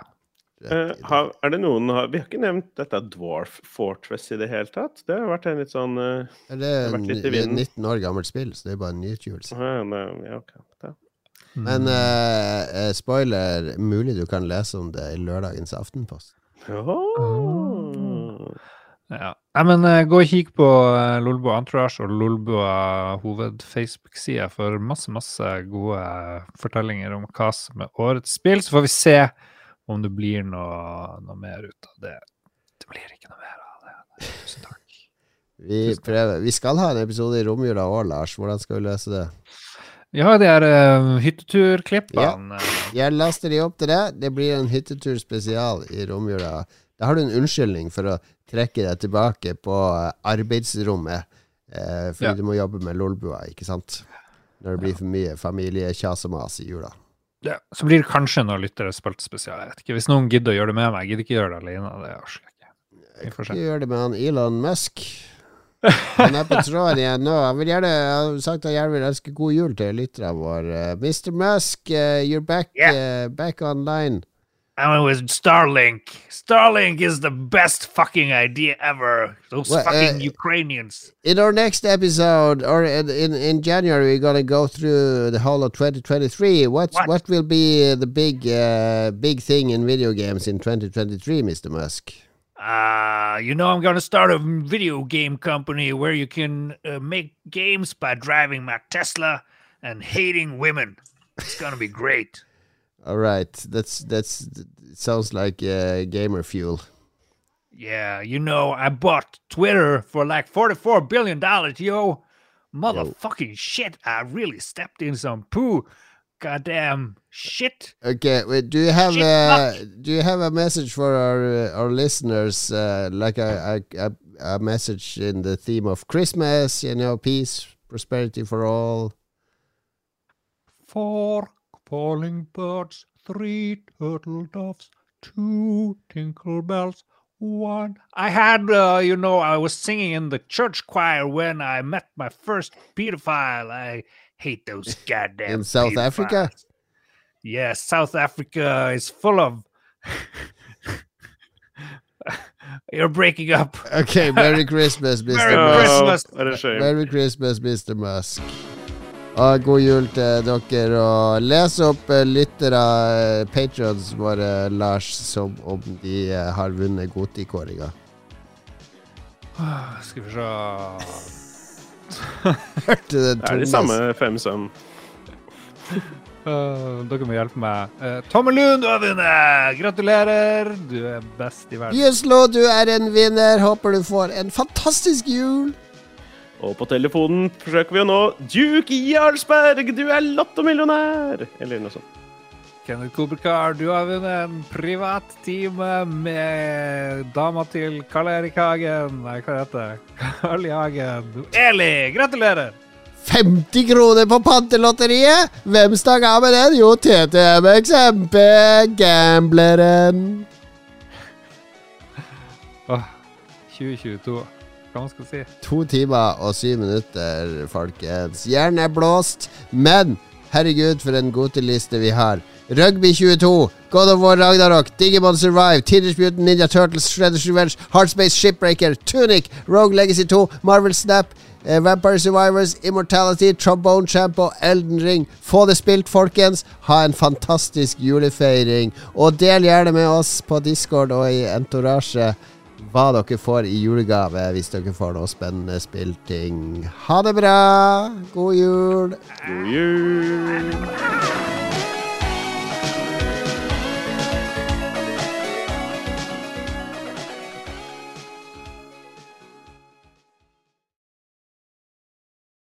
Har du et enkeltpersonforetak eller en liten bedrift? Da er du sikkert lei av å høre meg snakke om hvor enkelt det er med kvitteringer og bilag i fiken, så vi eh, gir oss her, vi. Fordi vi liker enkelt. Fiken superenkelt regnskap.